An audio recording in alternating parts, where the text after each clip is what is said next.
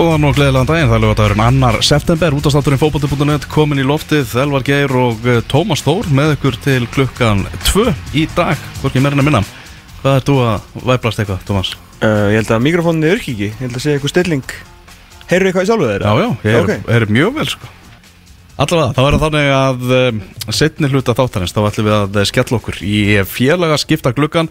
Það var gluggadagur í gær og eh, Kristján Alli Ragnarsson ætlar að gera upp ennska gluggan, nóg að frétta uh, Everton, komið yfir á móti Sheffield United í hátegisleiknum á Englandi. Þannig að eh, ennski boltinn mun svona eiga hug okkar setni hlutan en íslenski boltinn. Fyrir hlutan við ætlum að skoða þessa loka umferð fyrir tvískiptingu í bestu tildinni sem að framfyrir á morgun þar sem að káamenn vonast til þess að koma sér upp í upp í eh, efri hlutan og vera með í efra umspilinu eftir tvískiptingu og uh, það eru káeringar og F-fáingar sem eiga hætt á því að, að detta niður þannig að það er alveg smá spenna á morgun og svo getur náttúrulega vikingar tryggt sér innsiklað Íslandsmeistara titilin ef þeir vinna sinnleik og Valur eh, vinnur ekki í kórnum á, á sama tíma. En við ætlum að byrja þetta að sjálfsögðu í hjá uh, blikunum, í á breyða bliki því að hingaði komin formaðurinn sjálfur í, í kópóinu Flossi Eiríksson er mættur blessaður Flossi, Blessaður, blessaður. hvernig ertu? Ég er góður, svolítið rámur, ég held að ég hef sungið aðeins og mikið á. Og ljáið er hver sem vil Já, það þurfti, það þurfti að hvetja og syngja og rópa svolítið. Já. Og það er gaman að vera á fullum kópás velli þar sem allir syngja blikar í Evrópu. Já. Já, það var svona sjálfsbrottið fagn þarna. Maður var að horfa á þetta í, í sjónvarpinu og maður svona einhvern veginn maður áttaði sig ekki alveg á hvað myndi gerast einhvern veginn eftir leik hvernig moment þetta væri að hérna, ég hef að Hjörvar líst þessu svolítið svona sem hann Ísland-Kazakstan leiknum á sínum tíma en þá var kannski svona meira veist, öll þjóðin einhvern veginn við skjáin og veist, þetta var bara svo, svo, bara svo þægilegt og easy og vel útfærið leikur svona, en svo bara um leið og hann flautaði af þá einhvern veginn áttaði maður sig á hvað þú veist, breyðablík var búið að gera og líka svona eiginlega hversu miklu máli þetta skipti fólk. Það bara því maður eru sjaldan séð Óskar Hafn Þorvaldsson, ég held hann ekki svona fagnar svona mikið þegar hann sko vann Íslandsmyndstratitilin þetta skipti hann greiðlega miklu máli en það verið búin á langri vegferð.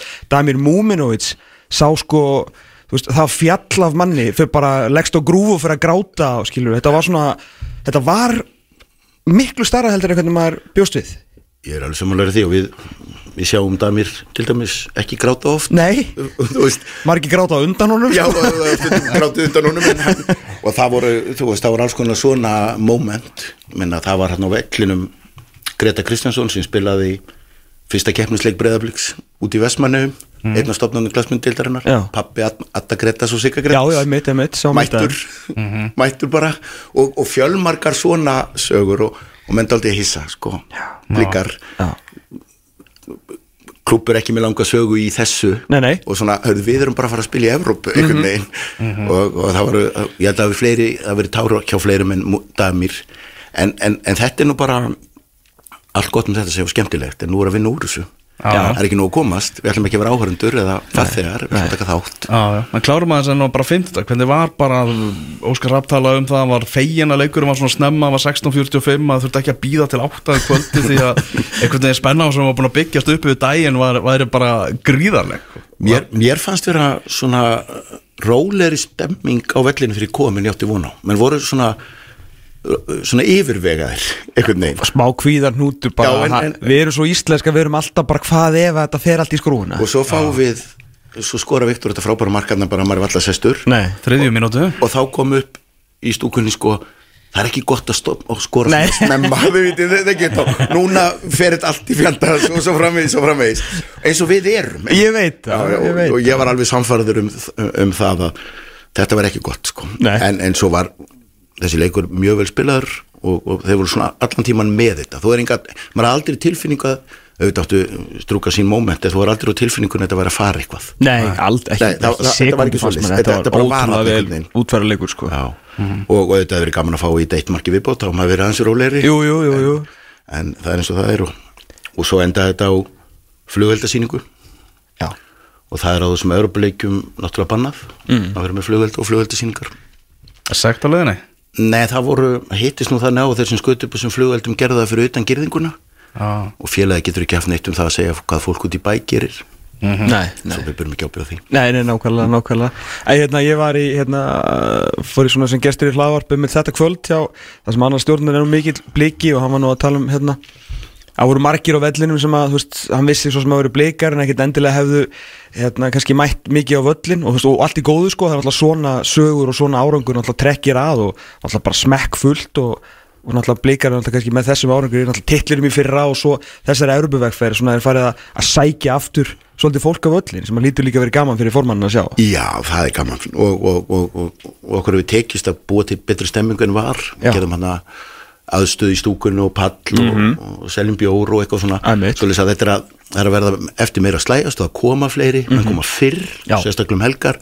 Og það er svona þessi stemming sem er vantað og mjög marga vell á Íslandi er að byggjast upp. Já.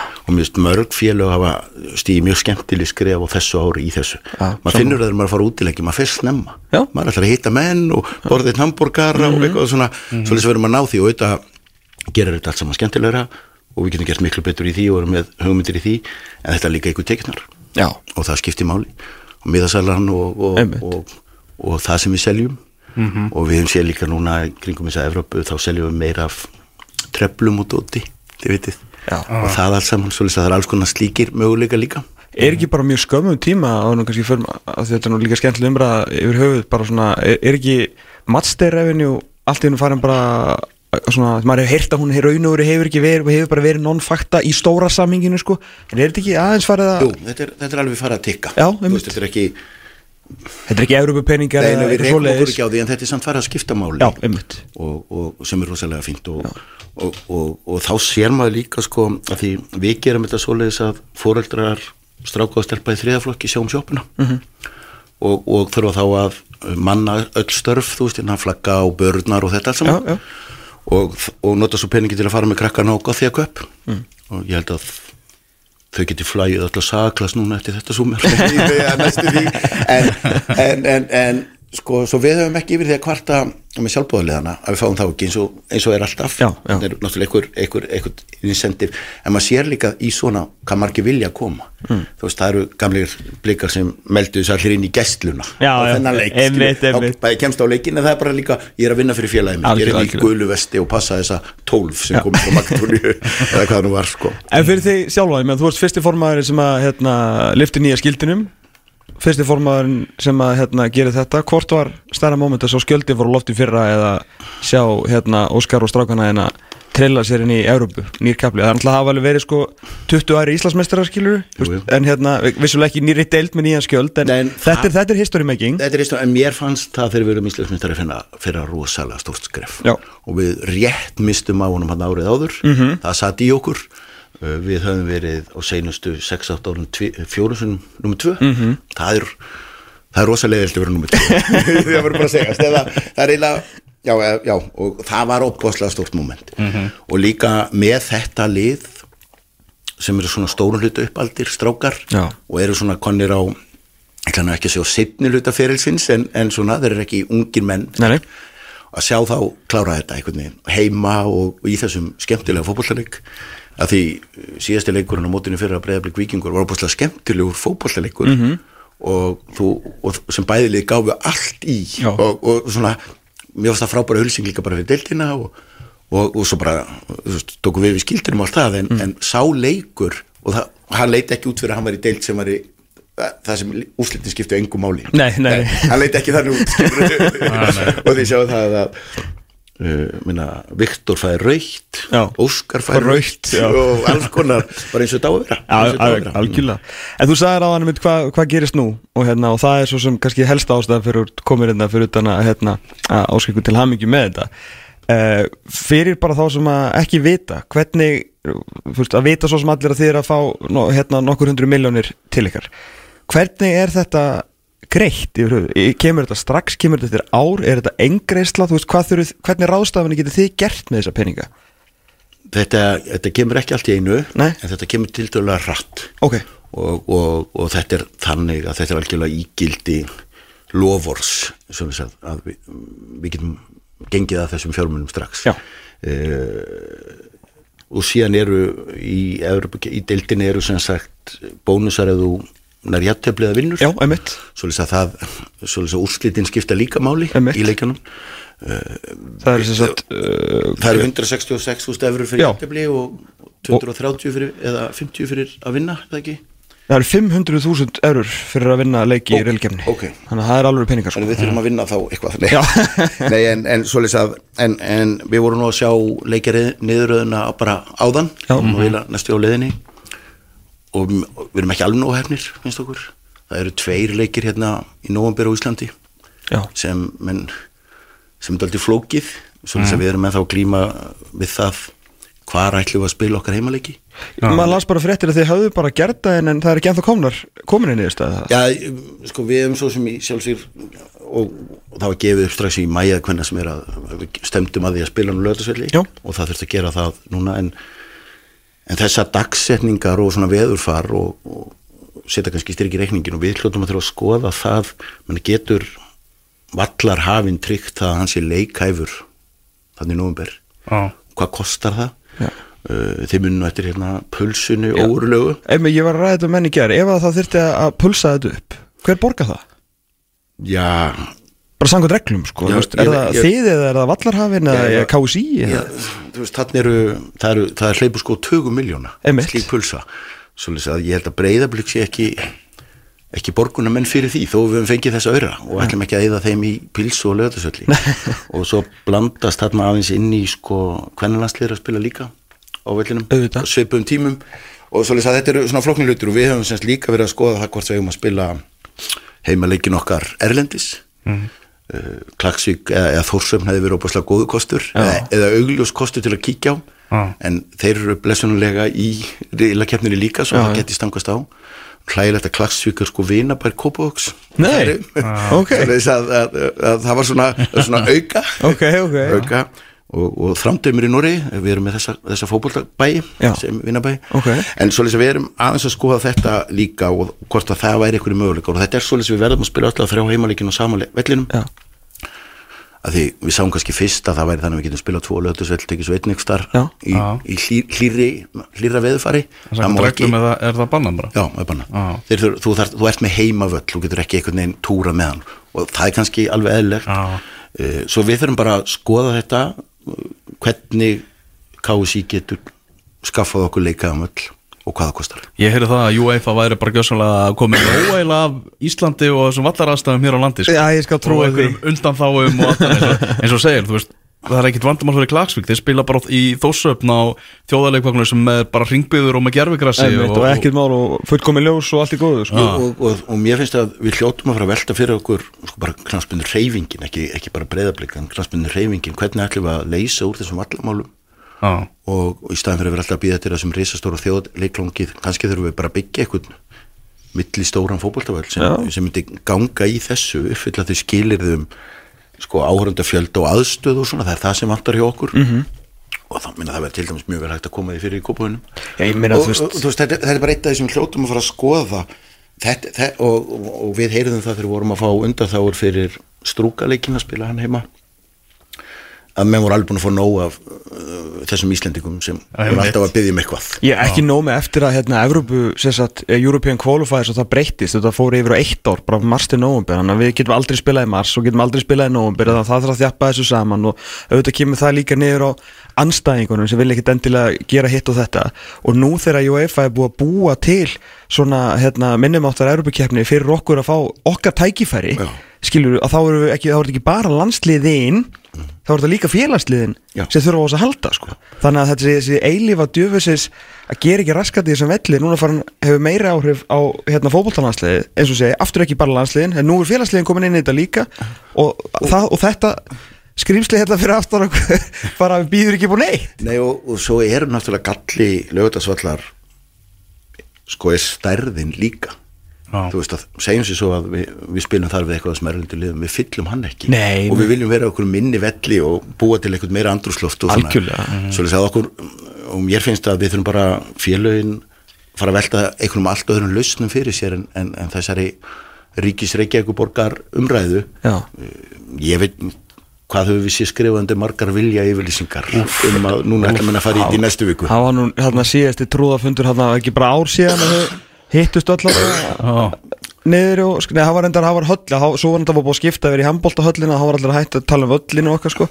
En hérna, nú eins og segir, nú er þessi peningur koma, en þið þurfum þetta líka að ferðast í þessa leiki. Já, já, það er, þetta, er, þetta er dýrt og við erum svona tildulega hefnir það, þetta er ekkit opbúslega vegalengdir, við hefum getað lent sunnar á Balkanstgaganum Já. sem er, það var okkur til dæmis það var mjög dýrt fyrir okkur að fara til Montenegro fyrra þegar við spilum við Bútunost. Flókiferðalag og það var líka mjög það var tildulega dýrt að spila núna í Mostar þú veist að fara til svona borga sem eru aðeins utan alfara leiðar menn þurfa vel að gera það með engaflugvel tjartir um einhverjum -hmm. og, og, og, og það, þú ert að fara með dálítið stóran hóp það fara 25-30 er, er það rétt að þið verðið að fljúa með þá leiguvíl? Nei, það er ekki, við verðum ekki, það var í COVID Já, einmitt, að ég hélt það, einmitt, ok. en, en, en, en eins og það fara til Mostar þá flugum við til Amsterdam, held minn mig og, og tóku svo uh, tjartir þaðan.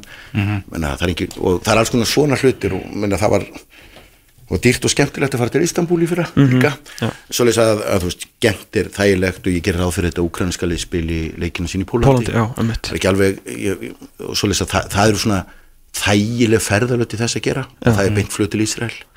Þó að, að það sé alltaf svona tæknilega svolítið brasa fara til Ísrael. Já. það má ekki vera stimpur frá Íran í veðabriðu niður Nei, nei, og svona, nei, það eru svona, svona skriffinskuleg atriði.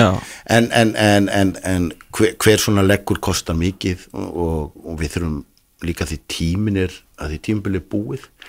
Við þurfum að spila ykkur fókvöldalegi við þurfum að æfa við ykkur rétt að þessu völluflósi bara við sleppum honum. Er, er bara eftir þú sást niðuröðuna í dag veist, er þá, er, þú veist, pendulun að seflast til Danmörkur bara akkur út af því hann svona, hann, hann, hann svona emmitt, hann leitaði aðeins í þá áttina Já.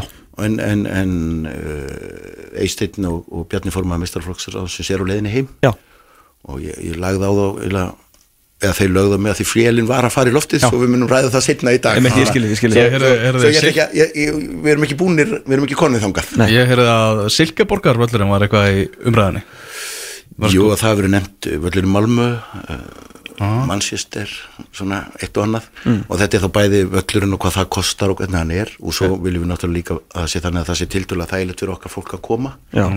en auðvitað finnst okkur að, að stöðnis með breyðabliks og Íslendingar eigi rétt á því að geta komið hérna einhver starf á völlin hér. 100% fengið sér pilsu og bjór og, og horta á leika á Íslandi. Er ekki gríðarlegu kostnæður ef við tökum með að þú verður spilað í Danmörku bara, veist, leiga á velli og öll umgjörð og allt það? Jú, það, þetta eru miklu peningar og, og við verðum alltaf þá að spila á einhvers konar aukavöllum, minna við leiðum ekki parkan Nei, nei, nei, nei, einmitt, einmitt. Og höfum ekki þangað að gera með svona leik svona kannski, en, en, en þetta hlýtur að skýrast núna á, á næstu dögum. Já, Já, ég Stóra verkefni núna er leikum við FA á morgun. Já, einmitt. Hvað Hvað er- er, bara, bara fyrir hlustandur, þá er þetta já, í reyðil breyðabliks, þá er þetta Gent frá Belgíu, Maccabi Tel Aviv, Soria Luhansk frá Úkrænu sem að spilar vantar í Pólandi, eins og þú segir. Þetta eru, þetta eru liðin þrjú bara, hvernig líst þér á hana reyðil? Ég leist ákveðlega hún á riðil, við veit ekki mikið um þessi lið. Og, og, og, og auðvitað hefðu við kannski vilja fá aðeins frægara lið. Já, eitthvað, svona- meira sexy. Aðeins meira sexy. En það er hérna þetta verður bara skemmtilegt.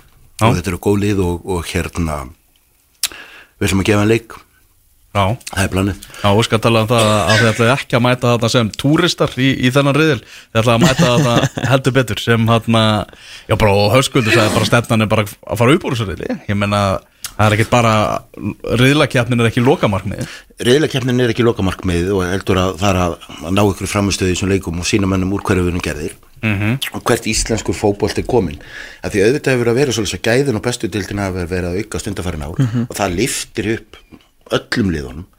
Þú þarft samkeppnina heima hjá þér og okkur finnst og, að, og við lítum svolítið á að, að, að breyðablík sé að hluta til að leiðana en það er líka aðri smíta á okkur eða við eldum hvernig sem það er. Og vonandi verður eitthvað annar lið frá Íslandi eða við í reyðlikeppninu næsta ári. Já, er ekki vonin að þetta verði að verði undantekning frekar en frávik að við séum þarna inni svona til framtíðar? Já, Það væri skemmtilegt, sko. Já, veist, og, og, og ég meina að þú veist, þessi árangur núna svo, hjá, hjá blikum og ef að breyðarblik næsir í einhver stig síðan í riðlakjapninni sjálfri þá erum við bara komin nála því að breyta einu af þessu sambandstildasætum okkar í Evróputildasæti Já, já, mitt. Og þá er, þá er möguleik á því að kannski að sé greiðari leið fyrir, fyrir tvö af liðunum sem að er með mitt, það er náttúrulega alveg, er svakalegt sko. ég var stoltið merkjöld að sjá í ykkur erlendu blað í gær að við fórum sem sagt lengstu mögulegu leiðina Við Já, þegar þið byrjuðu í Reykjavík hann Já, við, einmitt, við spilaðum sko flesta leiki Já. allra liða til að komast. Það var, það var það, við tókum engan dítor í þessu. Við spilaðum bara alla þá fótboltaleiki sem var í bóði til að komast í riðlakefni Það var líka svona smá fyndi sko að stórvinir ykkar og náttúrulega vinnabæri í Klagsvík og voru náttúrulega sko the darlings of the football world búin að vinna just, hérna sko leggja hvert drekan og fætur öðrum. Og svo endaði bara á sama stað á breyðaflik sem að Já, fór bara aðra leið Já, sko. Já, það það á þess að gera kannski á þess að vera jafn mikið fréttum Já, sko já, að segja. já, bara svona einhvern veginn, það gerðist bara svona. Og- Já, já. En, en þessi árangur bara breytir öllu tímabilinu í heilsinni fyrir, fyrir breyðablik Já, já, og, og breytir öllu tímbilina því auðvitað ég er aðeins vonbrið hvar við erum stættir í deltinni mótið svo sem ekki búið en, en auðvitað breytir það heilmiklu fyrir okkur í því efni. Þetta getur reynda líka haft áhrif á niðurröðuna af því er þetta ekki svoleiðis að síðasti leikurinn í umspil í, í bestdeldin er áttunda? Og ég held að við hefum að spila sjötta. Já, við hefum að spila á fimmtudegi og deldin klárust á lögadegi alltaf ekki sjöunda? Já, og það- lögadi Já, já, löga já, og þeir eru þá vantilega fymta Ætlaðu þeir þá ekki að reyfa loka umferðin í bestudeldinni kannski þurfum við að senda KSI aftur bréf Vinnum ykkar. Vinnum ykkar í, í KSI Rétt á hann um, förum við það, mér langar aðeins að spyrja út í, út í hérna fjármunna Minna, þið, þið eru búin að stefna þessu lengi? Eða þú veist allan allt meðan að þú veist sé, tala ekki um þegar þið fengur strúka þá náttúrulega eru þið 180 mínútum frá þú veist, frá þessum markmiði. Auðvitað, þú veist, það er það sem þið eru náttúrulega gangi að eru, þú veist, bónusar fyrir leikmenn og ferðalögu uppi allt, þetta er náttúrulega peningar sem vitið að verða ekki með ykkur eftir hérna tvo mánuði eða svo en, við, eru þið búin að tekna plan hvað ætlaði að gera við hitt? Já, það aðstæða, aðstæða, aðstæða við þurfum fleiri velli. Við erum algjörlega sprungin okkur félagsveði uh, okkur langar í betri aðstöðu fyrir þjálfarana. Ok. það er meiri infrastruktúr og mörgum sviðum Þannig að þið kannski byggja meira upp félagið heldur en endilega mestarflokk Karla Jú, en við hættum allt sem við gerum fyrir félagi nýtist mistarflokki Að sjálfsögðu, Mjög að vel. sjálfsögðu. en, en, en svona tölurnar gróft talað sko, knastbyndild breyðabliks í fyrra veldi 700 miljón í reglulegum rekstri það okkar, var okkar rekstur þá Þú ert að tala um allt batterið niður í yngri flokka og, já. yngri flokkar kallar og konur og þú sér það að að, fá- og, og inn í því voru þá Evropapeningarnir í fyrra Já. svo núna erum við kannski að verið veltan kannski þúsund miljónir á þessu ári. Já. svona or take regluleg starfsemi og auðvitað er það gríðarlega stórt fyrirtæki að Einmitt. og ég held að við séum það svo kennitali Kópói sem er trúlega með næst flesta í vinnu eftir Kópóðsbæ en auðvitað eru þeir ekki allir í fullu starfi en auðvitað til alla þjálfar og allt þá erum við með stór vinnustadur og, og þetta er mikil velta. Og það skiptir ósæðlega miklu máli við lítum ekki, við notum þessa peninga til að halda áfram að afla peninga. Þetta sé ekki lottó og því í ykkur vilsu, heldur að við byggjum upp eitthvað þannig að það sé líklegt að við komumst á næsta ári eða þar næsta ári, við komumst lengra og lengra. Þetta þarf að vera, þessum fjármunum þarf að vera þannig varið. Ætlaði að stækka til með starfslið fyrir þessa tvo mánu auka nuttari, auka ste- eitthvað svoleiðis? Það á svo sem eftir að koma í, í, í ljós hvað, hvað þarf í því en það getur vel verið að að það þyrfti eitthvað nei, ekki að það er lokað? og, hver, hvernig er maður það? Veistu, svo Átni Vilhjámsson er án félags. Er eitthvað hægt að það er nú svona uh, sko þegar mann eru án félags það er þetta alltaf flokkn Já. við minnum sinni fengið leikmann stelpu megin þannig. Já. og þá er sko undan þá um þannig að þú sért án framfæslu. Þú veist, þú sért án félags og þú getur ekki séð fyrir þér. Og þess að máttu skipta. Ég, ég hef bara ekki kynnt mér það með átna en svona almennt séð held ég að þetta sé nú frekar flókið. Og Ef hann sýnir fram á það að hann get ekki borga reikningan um mánaðamót Já, ég, ég, sé, ég sé einhvern veginn sé átna okkar ekki fara þá leið. Nei, nei, nei, nei. En, en, og, en, en, en auðvitað sko, við höfum verið svona aðeins óhefnari með meðsl. Hópunum var stóra, menn það skipti mjög miklu máli fyrir okkur í sumar að Patrik Jónsson hefur verið mittur -hmm. það hefur bara haft mjög mikil áhrif. Nú Kitti var ekki með í þessum leik verður ekki með á morgun. Nei. hann skiptir mjög miklu máli í þessum leikum auðvitað er hann ekki búin að spila jafn mikið og Andri Rabi Jóman, það er engin en, en, en, en hann er opaslega skiptir miklu máli svona reynslu mikill maður og spila mjög mikið af svona stóru leikum fyrir okkur. Þarna förum aðeins yfir í, í lætin sem vorum síðustu helgi þegar voru að reyna að- eins og, eins og rjúpa með staurin að reyna að fá þessum leikamóti vikingi fresta Hvernig er svona, hvað situr eftir? Hvernig er bara svona samband Breiðabliks og, og, og KSI og, og svona jafnvel ITF eftir þetta?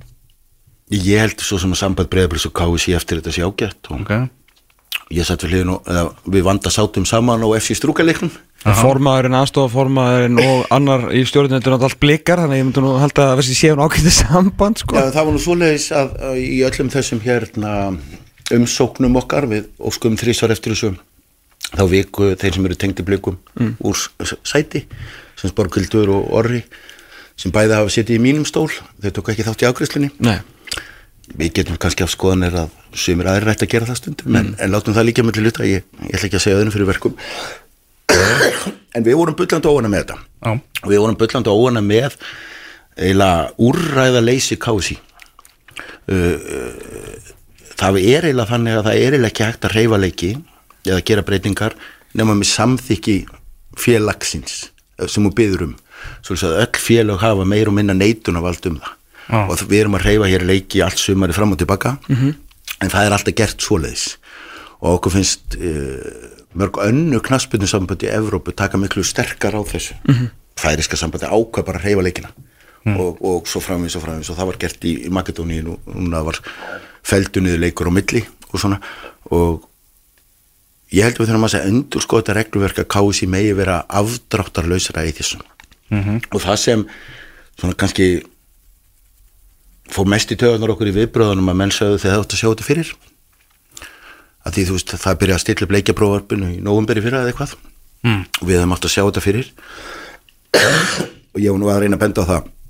Við erum að feta hérna dálítið ótróðan slóðir og við tökum það bara algjörlega á okkur að við sáum það ekki fyrir í nóvumberi fyrir að við værum að fara að spila í reylkemni eða ættum séns á því. Mhm. en ég held að samband okkar við Kási sjágætt og ITF stutt okkur í þessu kom með hugmyndir. Já. og, og ég Hvernig fannst þið bara raukstuðningur hjá KSI sem maður gáði náttúrulega út þarna á sunnudeginum? Af hverju væri ekki hægt að færa hann ég, ég bara ósamálanum, ég stann þunnur. Já. og ég held að við hefum alveg getað gert þetta en, en þeir ráðu þessu. Það er fyrirkomulagi og auðvitað er ég bara að horfa út frá hagsmunni breyðabliks ég er til þess valinn. Emmett og þau þurfa að horfa til hagsmuna fleiri. Svoleiðis að, að þetta við lítum bara svoleiðis á að þetta sé búið og við erum náttúrulega núna í mjög góðu samstarfi með kási á hverjum degi út af þessum leikjum framöndan Mhm. að því þeir koma að því á mörgum stigum og minna, mitt fólk var á fundar í gær og í fyrra dag og svo framvis og framvis svoleiðis að ég held að þau erfi þetta nú ekkit við okkur þó við svolítið hafið megin og láti ykkur heyra Já og, og, og menna, bara mikla hagsmunir og, og, og ekkert persónlegt í því efni. En sko, að þú segir þetta með hérna, að sjá þetta fyrir uh, sko, það er alveg rétt en mitt teika á þetta hefur verið sko, þetta tengis breyðabliki ekki neitt. Þú veist, eins og ég er búin að segja nú veist, fjóru sinnum á síðustu fjóru vikum eða eitthvað þessi keppni var búin til fyrir litlu liðir, fyrir löndin Já. að eiga sens og gera eitthvað svona. Og það eru þrjú ár síðan það fór á stað. Uh, breyðablík var þessi eða einu ein, hérna, um innvigi frá því fyrra og hérna uh, og vikingandi líka, mútið lets postnan skilur Já, þannig að það voru þarna voru tvö lið sem að voru 90 mínútur frá þessu eða 180 mínútur frá þessu gekk ekki. Og munum ekki miklu að vikingandir hefur farin og gegnum lets allt í lagi. Þannig að þá hljótu við að sjá, ok, þetta er alveg möguleiki en þá er ekki breyðabliks eða vikings eða í svona ITF átti ekki bara KSI að segja eitthvað tíma á ástenginu að hérna, við veitum nákvæmlega hvenar setni playoff leikurinn verður. Að hann er löngu búið að gefa þá til UEFA sko, og þeir eru ekki svo KSI sem bara spila svona um hvipin og hvapin að þarna verður bara leik frestað. Og við finnum út úr því og þú sér það að það hefur þetta ef við hefum gert þetta með einhvern þessum hætti þá hefði þessi leikur vikingu breyðablík bara verið miklu fyrr einhvern tímann í sumrinu eða, eða hvernig sem við hefum nú fundið út úr því. Já, og þó hann hefur verið færiður inn í landsleikjafrí ok, þetta var vissulega vikingur þessu sinni með einhverja landsleismenn og þá hefur þeir verið brjálæðir en þá hefur búið að setja regluna í februar Já. og þá gengur að þessu skilur og, og, og, og að því svo sáum við líka við sáum, minna þegar móti var að byrja og, og KSI var að og FH-ungarnir voru að reyfa leikin á milli kartöflugarða alveg fram að því að það var flautað á og þá var einhvern veginn ekkert mál. Nei, nei. og þetta spila upp í árbæ, nei, þetta spila þarna og þetta var einhverju tveir dagar af einhverju svona. Og þá steik KSI inn Já. og ég hefði kannski viljað sjá að það gera það núna. En þetta er búið. Já, og, og, og, Og þeir vonandi- fóruð í, fóruð í riðla og við fórum yfir og nú- Ég hef ekki ég að viljað að sjá bara hvernig þetta hefði endað ef, ef þetta hefði mislikist þá er ég ekki vissum að það hefur verið gaman fyrir vöndu að sitja við hlinum en, en, en, en, en það var gaman að þú veist og En- ég, en hún er sé þetta líka ekki- rallus eins og ég. En þetta ekki það sem er líka svo þreytandi er líjandi skulum við segja að vera í þinni stöðu eins og fleiri formenn og hérna meistarflósráðs fólk á Íslandi að við þurfum alltaf að hlaupa þú veist, það er aldrei sett hurða á hann til þess að opna áður. Eins og nú eru þið bara að hlaupa á hann vegg og mögulega á næsta ári hérna verða vikingar í já, eða bara þið að valur skilur, bara hverju sem fara þarna vikingar skil það í lustu leiðinni. Að hérna, að þá eru þið búin að búa smíða dyrnar á veggin Já, sko. og, og auðvitað það örlítið fúlt núna. Að en það er líka rosalega fínt á næsta ári. Og árið eftir það. Og að sjá, já, ok, við breytum þessu. Já. og þetta er eitt af því sem verður vonandi rætt og kási í þingu næsta og mér finnst sko ég hef setið 5-6 kási þingu, eitthvað svo leis það er alveg ótrúlegt hvað er lítið talað um fótbolt á kási þingum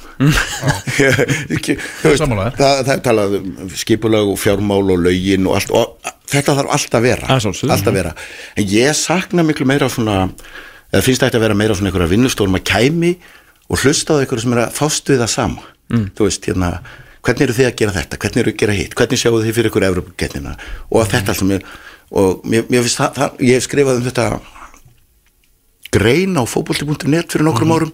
Þetta verður sko leiðilustu samkomur í heimi. Það var kannski ekki alveg sangjan en mér, mér, mér finnst þau ekki nógu dýnamísk. Þessi þing í að, einmitt að ræða svona hluti.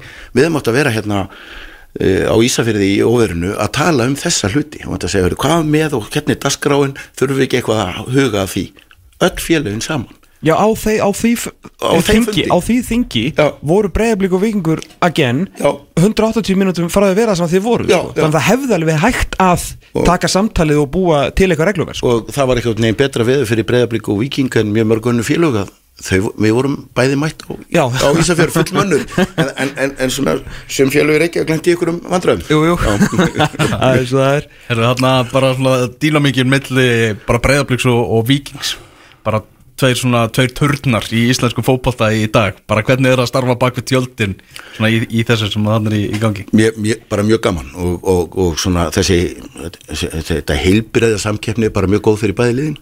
Gaman að því og svona einhverja smá ífingar uh, við vinnum mjög vel saman á vettfang ITF, KSI og svona annar staðar og, og eins og það á að vera svo takast menn á á vellinum og og smá utanlands líka ég hef bara svona eitthvað minni áttur og við höfum bara ekkert sérstakt yfir því að, yfir, yfir því að kvarta í sjálf sér Nei. Þeir eru ekki komið svona, þetta er ekki sömu slæðinir og F og Valur var að taka hérna svona 2007-08 þegar Lulli og Börgur voru alltaf öskra á hvernig annan bara nei, og, og, og, nei, við erum ekki Það og var alvöru hitti sko. og ætlum ekki þangað og, og, og, og, og, og bara það, það er ekki neinum til framdráttar. Nei, nei, en þessi samkjöfni klála ítir báðum aðlum lengra. Guðminn almátt Það er bara það þannig. og bara eins og á að vera. Svo lengi, og það á bara að vera innan einhverja eðlar og skemmtilegra marka.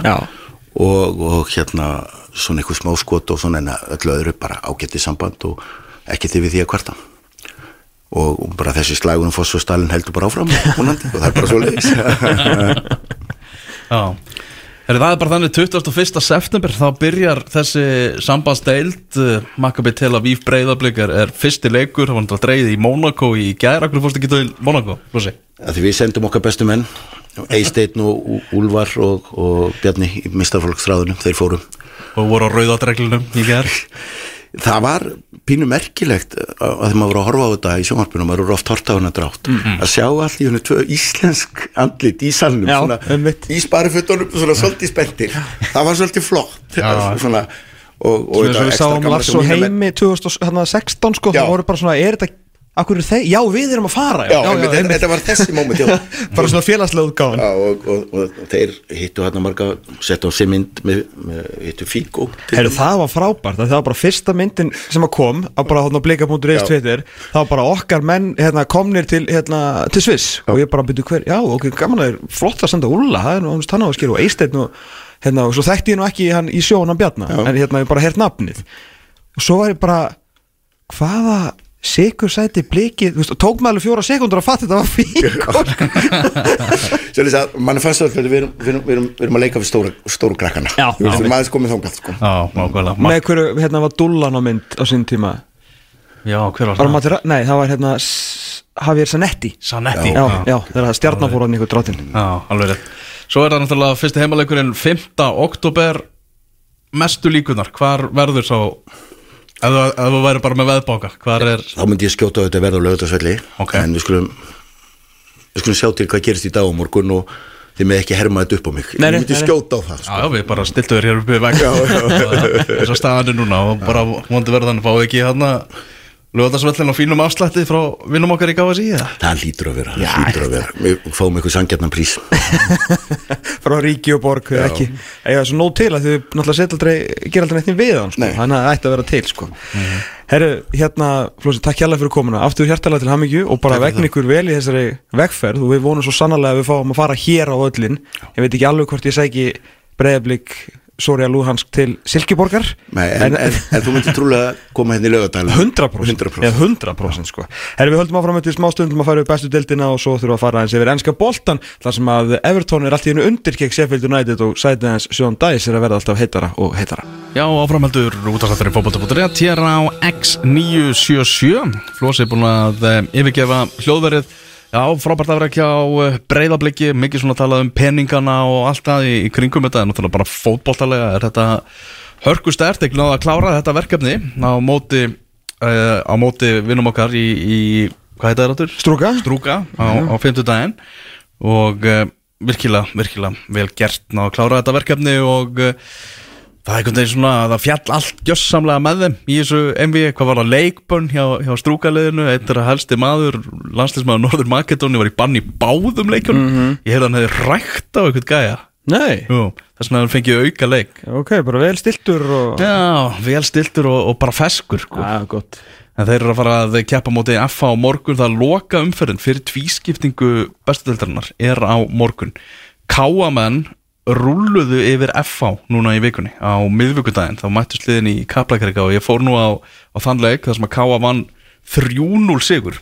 FH-engar byrjuðu þennan leik bara bísna vel og uh, vendipunkturinn í leiknum var klárlega þegar Rannabjörn Stengrimsson bjargaði á línu -hmm. frá kjartani Henry Fimboðarsinni í stöðunni 0-0 og þá virti svona mark liggja í loftinu hjá FH en K.A.M. eldust við, við þetta náðu að komast yfir á 30. mínútu og algjörlega gegn gangi leiksins þegar Jóhann Simon Edmundsson fekk aðna hörkufæri og kláraði mjög faglega svo náði Elvar Átni að skora rétt fyrir háleikin, fórum með 2-0 fórist í háleikin Elvar Átni sem á 50 og 50 mínútu þá var bara svona dagskráni lokið og K.A.M. gerðu þetta ótrúlega faglega í setni háleik og F.A.enga virtist bara svona kastin hvíta handklæðinu og voru svona freka bara soft.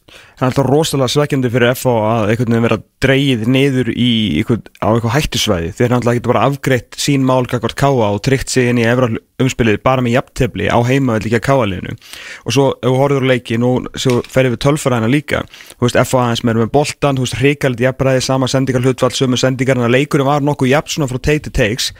FH setur upp 1,45 í XG á þess að skora mark. Káa er með þrjú skota markið með 0,59 XG og skora þrjú mörk.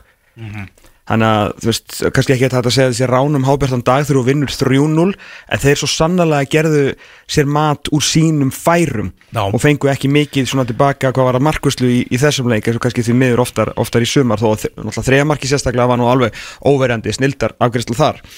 En þessi leikur hafi bara svakalega stór áhrif á morgundaginn því að ég var alltaf, ég og kannski fleiri vorum alltaf sjá fyrir okkur eitthvað tvist og bast á myndi KA og KR í lokaðan fyrirni ef að KR myndi mögulega tapa 1-0 fyrir, hérna, fyrir IPVF og útivelli sem er eitthvað sem að gæti alveg gerst á sama tíma og hérna KA myndi bara fara í árbæðin og, og rúliðu fylki ef að þeir myndi vilja það. En þá þyrfti rauninu kannski bara 2-0 sigur og menna KA myndi tapa 1-0 og þá voru þeir búin að hafa sætaskipti og vesturbæðastórveldi vera á leiðinni í næröðumspilið en nú er þetta bara tvölið Já. sem að KA getur svona það, veist, það eru tvenn úslit sem að þú eru með varaleið Já, ef að Káar tapar eða FO tapar svo fremur sem að þeir vinni sinnleik og kannski helst 2-3-0 það er bara þannig ef að K.R. tapar í vestmannum þá dugar K.A. bara sigur móti bara Fylki. 1-0 og 1-0 en nóg Já, já, skiptir ekki máli hvernig leikindi fara bara ef Káa vinnur sinn leik og Káar tapar, þá er það Káar sem að fer niður fyrir punktalínu og verður í næri hlutanum Já, það þurfa bara að vinna eitt mark á það og eiga mörg skoruð á það sko.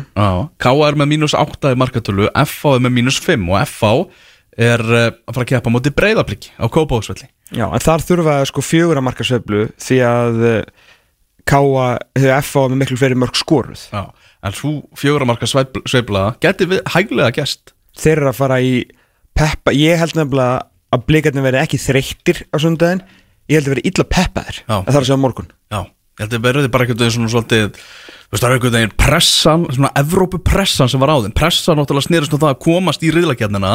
Nú er hún farin. Þú veist, er bara- Pressan er farin af aukslunum á þeim. Já. Þeir eru að fara að mæta F á, á gerfigrassi Og við vitum hvernig F á gengur á gerfigrassi Já, og við Á veitum Kópavásvöllinu hvernig blikunum gengur líka á heimavelli. Þannig að þetta verður gríðarlega erfiðu leikur fyrir FA og það sem að þeir þurfa að vona er að þetta verði meira svona þú veist, úf, og við erum búinir með þetta hérna, strúkadæmi, við erum komnir og, þú veist, og það verði einhvern veginn svona alvöru svona dalalæða yfir kópúæðinum og menn einhvern veginn býða bara eftir playoffsinu. En ég, ég held frekar að 50 dagurinn muni svona hvetja það áfram. Já, ég held það líka. Koma inn kannski með 2-3 á þessum ungu strákum fjölsteð og, og hérna Kristoffer spila vantilega leikin og svona pluss örgulega fleiri góðir, góðir fleiri startirar, mm -hmm. veist, Evrópublikarnir skulum við kalla á og hérna og ég bara kemur ekkert óvart að þeir myndu bara rullið verið að fá sko. Já, ég ætla að spá því. Ég ætla bara að spá því að þetta að Káa nái efri hlutanum og, og, og kostna F á Já, og F á detti niður. Ég held að, ég held að Káa er vinni í Vestmannu á Hásteinsvelli. Já, ég held að þetta líka. Já, þannig að ég, Ég tap allavega ekki. Nei. og já, ég hef það bara sterklega á tilfenguna að, að það myndi náttúrulega þessi, ta, þetta tapa múti káa var náttúrulega mikil mikil vombriði fyrir stuðningsmenn FH sem ættu mjög peppaðir í kaplakrigan á hana leik sko. þá hefur bara bara stíg þá var þeim 32 stíg stíg og undan stjörnunni. Þá mættur innan geðslappa skilur tapa þessum blíkaleik, þú veist þá voru bara komnir í efraðunspilið og ættu þá eftir veist þessa leiki til að reyna ná fjórðarsætunni sem að verður vonandi eitthvað fyrir stjörnunni FH og KA eða KR það er það sem að gera þetta svo stórt. Liðin sem að ná í efri hlutan eru í Evrópu baróttu Já, það er bara þannig. Það er bara þannig. Þannig að þetta það er alvöru skellu fyrir FH eftir annars mjög gott og fína upprisu. Þú veist, eftir alla jákvæðina sem búið að tala um FH hvernig heimir er búin að rifið upp og bara FH sem félag. Og það verður ekki tekið af þeim saman þóttu að fara í næröðinspilið það er alltaf búið að vera miklu meiri og betri stemning og trú á FH liðinu og bara í kaplakrika. En eftir allt saman skilur alla þessa jákvæðni og, og sem er búið að vera í gangi hana eða myndi síðan eiga fimm leiki upp á ekki raskat í bala Einmitt. það yrði alvöru skellir sko. Já, þetta er rosalega áhugaverð umferð sem að verður á, á morgun. Það sem að getur líka gæst er að Víkingur getur tryggt sér Íslandsmeistartitlurinn með því að vinna fram ef Valur næri ekki að vinna HK leikurinn er á hlýðarenda hann er á heimavelli vals. Hann er ekki í kortum, ég sagði það í uppaði þáttar og, og, og það leiðir eftir stjér með. Allt í lagi. Þannig að leikir sem eru klukkan 2 á morgun allir á sama tíma, það er fram Víkingur IBVF KR, Fylkir KA Breiðablik, FH Valur HK og svo svona ómerkilegasti leikurinn af þessu er eh, stjórnan Keflavík í, í Garðabænum. Já, en samt stór fyrir stjórnuna Veist, hann vissulega stór fyrir bæðilið þó maður er eiginlega farin að skrifa keflaðið niður en stjarnan getur náttúrulega nýtt sér þetta uh, tap með hann sem ég á FA og, mög, veist, og við erum að spáðum sem tapi líka til að vera með smá forskot á sæluna hvað var það fjórðarsætið Einmitt. Þannig Já, já, þetta er mjög mikilvæg leikur en svona, það er ekkert að fara að ráðast í þessum leik Nei, nei, á morgun nei, sko. þetta er Það bara, það þetta ég er bara stór stig fyrir bæðilið Já, svo segja, þetta er ég er mjög spenntur fyrir þessar umferða á morgun. Já, ég skil það. Já, ég heldur að vikingar tryggja sér Íslandsmeistartitilin áður að tvískiptingurinn kemur? Uh, maður veit ekkert með þetta valslið. Þeir verðast einhvern veginn þetta í mikið áhugaleysi. Já, sko ef að HK hefði haldið út gegn IBF Já, þá held ég að uh, Valur myndi vinna þetta fyrir eitthvað létt þá bara, þú veist, þá væri með 27 stig og væri bara illa þægilegir á því. En þetta svona, þetta var heldur þeim aðeins nær fallsvæðin ég hef enga trú, þeir eru aldrei að fara að falla sko. En ég, kannski þeir meira að hugsa þannig. Þannig að ég veit ekki alveg nei, ég er ekki valur. Samt af hverju ætti maður að hafa ykkur jú, þú veist, gæðin eru nóg en eins og Arna Gretarsson hefur nú talað um eftir síðustu tvo leiki hvað hann hefur verið óánað með hugafarið að hérna trillt þarna í í viðtalinu við Gulla Jóns þarna þegar hann var ósamála spurninguna sem að, eða fullur einhver Gulla þegar hefur verið svona gefið eftir í setni áleik Já, svo talaði hann í 8 sekundur í viðbót og það var hjertanlega sammálinni sko. Þannig að hann var Og fatt hann að Gulli hafði bara rétt fyrir sig Já. eins og Og- oftast þegar Gulli talar það og, hérna, og Arnar náttúrulega alveg sko brjálaður út í sína menn sko, andlitið á hann hefur bara verið sko, bara stútfullt af bræði eftir þess að sérstaklega setni áleikin í síðustu tveimur leikjum. En, en að því sögðu þú veist þetta, þetta valslið á heima öll í lokaumferð Arnar Gretarsson hlýtur að, að lifta þeim upp. Því að þeir náttúrulega skilja ef þeir vinna en svo er náttúrulega eitt í þess að mm. ef að þeir vinna ekki og vikingu vinnur verður þá vikingu meistari á sunnudegi og svo verður tillin tekin af þeim með var á þriðudegi Já, þetta þýmáli. Þetta kæra hann eftir sko. Kæran eftir. Ég bara neita að trúa því og ætla ekki að trúa því fyrir en ég sé það að það sé verið að fara að breyta úrslitum innan vallar í fótbollaleik út af svona máli? Já, það Þú er veist, hendið einhverju bannu á hann ef hann er segur og, Og sekt og eitthvað. og sekti vikinga en það er ekki verið að fara að breyta úrslitum innan vallar úrslitin er að ráðast innan vallar. Þú veist, það er bara þannig og þar voru vikingar svo miklu, miklu, miklu, miklu betur en valur. Og þú það er bara þannig. Þetta er mjög áhugavert og það er líka spurning á morgun hvort að verður íbjöf á fram með að fylgir sem að setja í fallseti þegar að fari verður inn í tvískiptinguna? Að það getur sveiflast í allar átti líka fallbaráttan. Algjörlega, þetta verður, mjög áhugavert að sjá stöðuna fyrir, fyrir setni fimmleikina og svo fyrir náttúrulega playoffs í gang eftir landslíkjafríði sko. Já, akkurat. Við segjum bara að klæðið ykkur vel ég veit nú ekki alveg hvernig viðspánu núna fyrir að Herru, finna er að veðurstofan veit það ekki heldur. Þeir eru, e- þeir eru í alvörinu, maður er búin að vera að gera grínaði núna í mörg ára, þeir séu bara alltaf að giska nú eru þeir í alvörinu að giska. Það var bara sagt, hérna, það verður vond viður og svo verður spurður, já, hvað verður vestaverið herru, við erum bara ekki alveg vissir. Það er bara að vera að koma í ljós, hvað mesta regningin verður. Og þið fáið vel útborgað þessum mánuði og allt eða, þú veist, hvernig, hvernig virkar þetta hjá okkur en já, allan að fara í úlpu. Já, farið úlpu, mætið á völlin eh, allir leikinni klukkan 2 á morgun í, í bestu deildinni. Herru, þarna yfir í lengju deildina það voru bara rós á félögin sem að spiluð á 50 daginn í lengju deildinni það voru leikið færðir eh, frá bæði föstudegi og lögadegi bara yfir á 50 dag út af viðurspáni og fóru fram við virkilega flottar aðstæður. Ég fór í, í laugadalinn sá þróttarna rúlla yfir grindvikinga já, 5-0 og sko ég talaði við marga þróttararni í hálfleik sem voru bara hálfpartin í sjokki yfir það hvað grindavíkulið væri þungt og virkaði ekki í formi. Já, eftir að Brilli var búin að vera að rífa þetta upp og sko stórsigur í síðasta leik. Já, þeir, þeir voru konu með hérna, playoffs í, í sjónmál Mhm. og þá fara þeir í laugadalinn gegn svona einu á slakari liðin eða þú veist, reyndar eru öll liðin fyrir neðan fymta jafn léleg fyrir utan ægi sem eru langliðlegastur það er, það er 23, 23, 23, 24, 25 frá grindaegnir í Selfoss. Og láta bara pakka sér saman. Pakka sér saman og bara algjörlega. Þrótturum ég held, ég heldur engin bönd og, og var gaman að sjá Stephen Lennon sem að ég var fyrir miklu vonbröðu með á móti gróttu í umfyrirnu undan. Allt annað að sjá hann hann og bara Henrik Harðarsson algjörlega maður leiksins. Hann var gjössamlega geggjaður. Skoraði þrennu, fiskaði víti og, og bara með mjög spennandi þróunin á, á þessum leikmanni. Það er bara svona, eins og hann sé eitthvað með þetta í genunum að skora Já, Vistu, bara, það var bara já, það mætti halda það. Hann líkur einu framherja sem að maður hefði mikið dálit á hérna á árum áður sko. Já, er Henrik Harðarsson eina eini leikmaðurinn, þú veist, fættur eftir aldamót sem að er bara strækir í dag? Það er góð spurning sko. þú veist, ekki eitthvað svona, já, getur verið á kantinum og getur góður hann í hólunni Já, það er upp á Hann er bara- staða minn að vera í hann er- hólunni Já, hann er bara fremstur og bara sparka boltar með markið eins og pappi Já, það var mikil stemming hjá, hjá þrótturum hann mikilvægur sigur hjá þeim mjög mikilvægur á 15. skvöldi líka, það var eh, barist á hinum enda töflunar þar sem að eh, fjölnir vann fjögur tvö sigur á mótið afturhaldningu Herru, Maggi hefur enga, engan áhuga að fara upp um deild. Það er bara alltaf þegar í að opna dyrnar aftur þá bara kemur Maggi bara og lokar. Nei, ég ætla bara að vera hérna í lengi deildinni, takk. Þetta er algjör trun, algjör trun. Hvað voru konum með? Tíu Á- stig? átta stiga fórskot Já. Áttastiga fórskot uh, og ég getur farið yfir það í dag Ía er að fara að mæta Þóra á Akureyri og bara jafntefli og þá eru skagamenn komnir með efstasætið mm Mhm. Uh, Liðin eru, eru jöfna stigum og afturleik búið að leika núna leik meira. Þeir komast yfir í grafunum. Ivo Bras sem að skora þeim Svo koma þessar rosalegu mínútur. Á 38. mínútu Þá jafnar Bjarni Gunnarsson Fyrir fjölni. Ég tók tíman Það voru 20 sekundur frá því að afturleikning tók miðjuna Og það til að fjölnir var búið að skora Anna Mark, Július Mar Og fjölnir komið í fórustuna Í þessum leik. Koma séðan í 3-1 Bjarni Páll Lirnett sem að minka munin Hákon Ingi sem skorar síðan á, á 94. myndi ég horfði á uppbótatíman og afturrætting var ekkert að ná að skapa sér í, í þeim leik.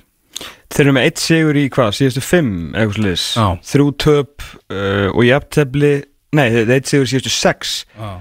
Þrjú töp, tvö, jafntefli og, og eitt sigur þarna inn á milli sko, það er ansið orðið ansið langt síðan að þeir voru, nei, þetta er verri en það. Shit, bara fer alltaf ofar og ofar og síðan að ég raun og veru að skæin pakka þeim saman eftir 9-0 sigurinn á Selfossi Já. að, þú veist, bara skæin sl slóa bara út á læginu Já. síðan þá erum við eitt sigur það gegn Njarvík annars er þetta jafntefli og núna bara töp. Mm og ég meina í ef að þeir hefðu aðeins aldrei betur á sínum spilum að hérna, eins og jættefli á móti þrótti og eitthvað svona, að þá væri þeir bara komin í ennþá betri stuðu þannig að afturhilding má eiginlega bara þakka fyrir það að IA er eiginlega ekki komið bara sko, í bílstjórasæti og rúmlega það. -hmm. en síðan alltaf er þess að síðustu tværum fyrir þú veist, þeir að fara að mæta þórsunum í dag sem er efur leikur en maður heldur samt að skæn að, ætti að klára það. En þá er afturhilding að fara í ægi sem er alltaf bara hérna, Jumbo, Gimme 5 leikur, örug þrjú stig. Og svo er það þróttur sem að verði nú mæntilega búið að bjarga sér, hann gæti verið þægilur gerugræsleikur fyrir, er þetta ekki gerugræs eða? Nýri hérna, þróttunum, örgla hann sé ekki að bulla, Já, þrótturum Reykjavík. Jú, jú. Já, ég meina það sko. Já. Þannig að hérna, á meðan að skæin á Njarvík úti sem er svo sem hefur ekkert annað að keppa en eru góðir mm eru góðir og uh, skæin er síðan að fara í gróttuna heima, það verður enda verður sigur því að gróttan er bara hætt. Já, förum í það rétt og eftir.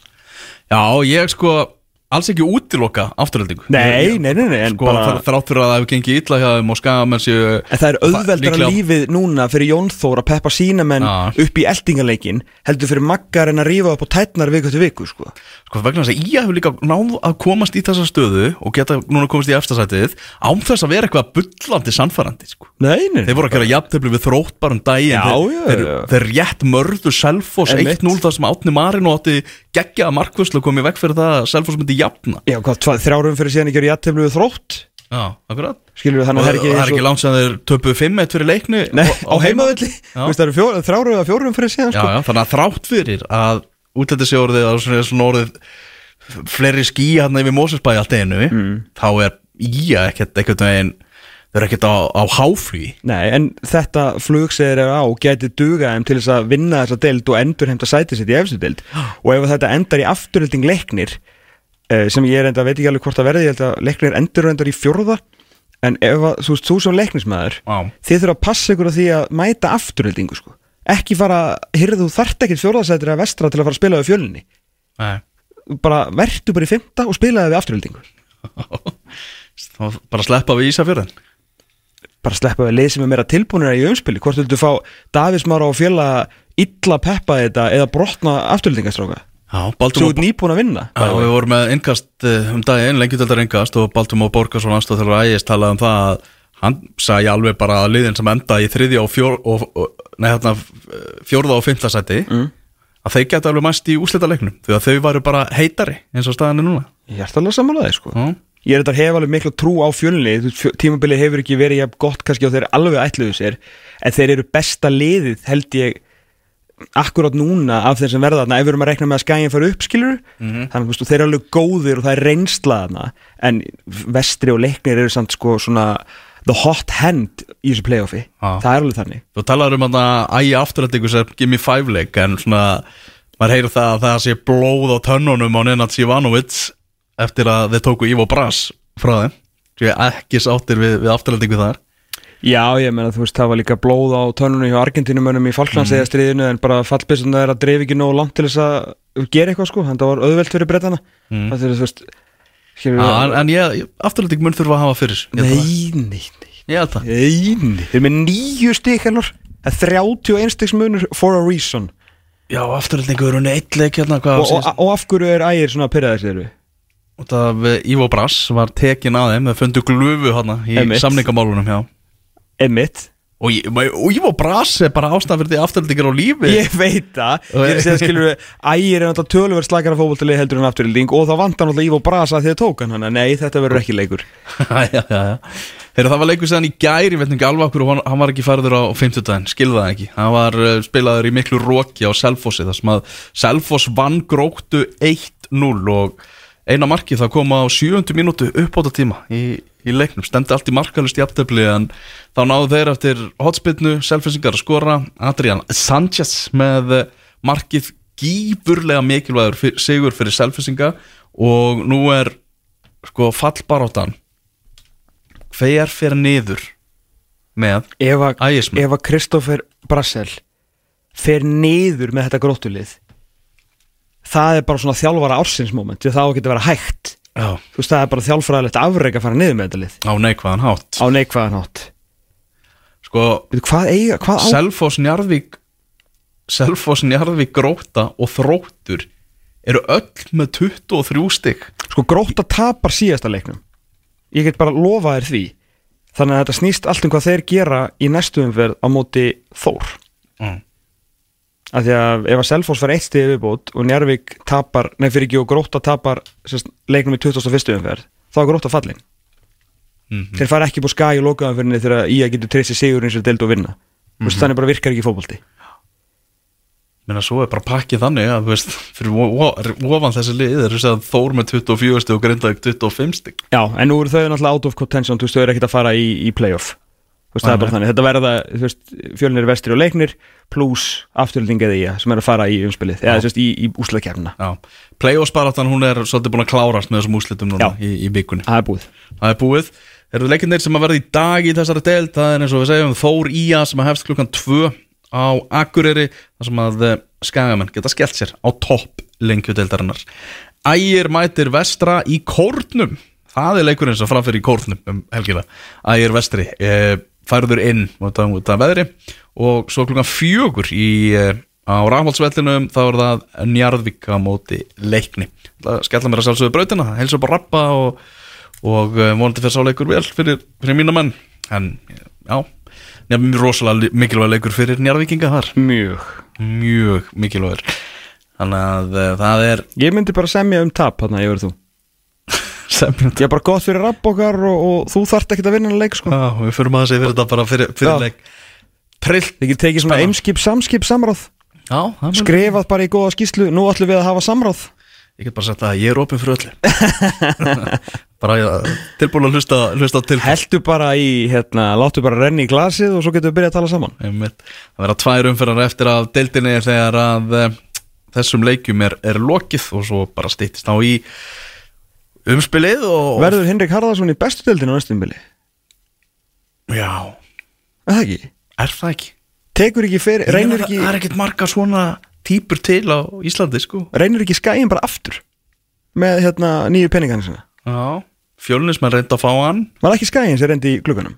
Jú, eða var jú, það var sendið Já. til líka Já Þannig að það er ég, ég, það er alltaf alveg ljóst að það munu félög gera hósu sinna grænar fyrir Hinriki Harðarsinni sko. Já, maður er strax farin að sjá ákvöldur hafnafyrinnum um að fá the bloodline back í liði sko. Já, nákvæmlega. Menna, hann, bara, hann þarf að taka rétt skref sko. Mm ég held að Ég held að Hötti Maxi alveg tilbúin að sjá Hinrik í, í FA-búningnum sko. hann liggur bara ekkert á sko. Nei, nei. Hann liggur nefnilega ekkert á. Ég held að það er með svona leiða línu hjá skaganum til dæmis kannski 1-2 ári í bestildinni væri bara til dæmis frábært middilskref mm Mhm. að því að veist, Henrik Harðarsson mjög spila fyrir F áruna fyrirlinni búin, þú veist, að ef það er eitthvað sem ég veit í lífinu þá er það það. Já. Eitt er alltaf að ef að þróttur fellur úr þessari deild þá verður Hinrik Harðarsson ekki með þrótti á næsta tímafli hann verður ekki með þrótti á næsta ári, þú veist, það skiptir einhver máli. Fyrir miður, bara það eru liðin í efstu er alltaf að sækja leikmenn það vantar alltaf að stækka hópana því að alltaf er að gera svo mikið og veist, það er enginn að fara að sleppa svona gæi með markaskorara með veist, þak sem að maður veit ekki svona hvað er þessa dagana Mhm. hann verður alltaf Já. Hér rétt á eftir, enski boltinn, glugganum var lokað í gær og við ætlum að fara yfir alltaf helsta Kristján Alli eftir smástund. Það eru tíu myndur eftir af hefðbundur leiktíma við erum Sheffield United og Everton hátæðisleiknum í anska boltanum og það er staðan 2-2. Það er eins og spennandi lokakapli sem er í, í gangi þar. Það var leikur í gær þar sem að Vestham vann uh, Luton á útivelli og Hamrarnir búin að vinna þrjá í, eh, í röð og er á toppi ennsku úrvarsleildarana, David Moyes og, og hans menn. Breytir samt uh, væntalega í dag þegar Manchester City er að fara að keppa múti Fulham? Já, en uh, sjá Palinja lausum uh, fullam að því Já, að einmitt. út á sollu. Já, sem ætlaði að fara í bæjar var búin að fara í myndatöku hann var búin að, Ég var bara á Sæberstrassi þegar bara svona allir ekki fara að klára þetta? Nepp nei, Fulham vildi fá mann í staðin, náðu ekki að landa honum og þjóðverðarnir skelltu sínu klukka í lás klukkan fjögur, hætta bara að vinna klukkan fjögur og, og fara á barinn. Þannig að Palinja fór ekki, ekki til, til bæjara. Og ég held að sé drullu fúll, ég ætla að giska það. Kristján Alli er mættur hérna. Sem að fara, fara þessi yfir þennan sumar klukka, þennan sumar klukka sem var skellt í, í lás í gær. Eftir hvern einasta glugga þá kemur alltaf fréttin. Nýtt met var slegið. Félagin hafa aldrei eitt jafn miklu penningu akkurat núna Já og, og það mun bara halda þannig áfram? Það mun halda áfram. Þetta, þetta voru ekki síðast ári sem þetta metur er sleið Nei. Nei, og svo verður janúar með slegi núna í janúar og Já, svo verður sumar með slegi næsta sumar. Já, já. En það er ekki búið að loka öllum gluggum. Sátti glugginn, Sátti Arabia ætlar að halda sínum opnum aðeins lengur aðeins inn í september til, a, til að geta aðeins verið að pöngast í, í mönnum. Já, þetta er Rétt bara hérna þættinum er búin spref uh, reyndar frá Burnley. Jóhann Berg byrjar þetta. Já, það er svolítið innherja upplýsingar? Þetta Nei, bara á Twitter. Já, ok, já. Já, Burnley Tottenham. Ég held að Jói hefði verið kæri Tómas Nei, því miður ekki svo gott Senda eitthvað e-mail í rútun og leiðin og öllin já. En hérna, sko 150 miljónir punta tilbóð í Mo Já, Salah þetta er, þetta er að því að þú nefnir sjópál Eigum við bara að fara núna og lega honum að fara í þetta mála Þetta, þetta getur er, svo 20 nei, nei, mínútur. við erum fljótir afgriða, við þurfum uh, svo sem ekki að eigða orm. Ég held þetta sé fyrst og finnst bara taktík og stert taktík hjá þeim að loka glukkanum sínum eftir fyrsta landsleika glukkan því að þetta gerir þeim klift nákvæmlega þetta eins og þú segir sko, nú er eitt sem er bara hotreika í, í, í München og langar ekkit heim aftur til, til hérna vestur London, mm -hmm. sjó á Palinja og þá er alveg viðbúið að koma eitt gott tilbúð, þreföldur launin eða eitthvað Já, frá Sádi, mér að hann sko. endar í sáti Já, farðu bara upp í rétta flugvel á munnsynflugvellinum, en Já. verður ekkert að fara vestur aftur, komdu austur og hérna, og þeir hringja í fúllam og segja, hafi ekki ágjur að við töföldum peningan ykkar og eitthvað svona sko Já.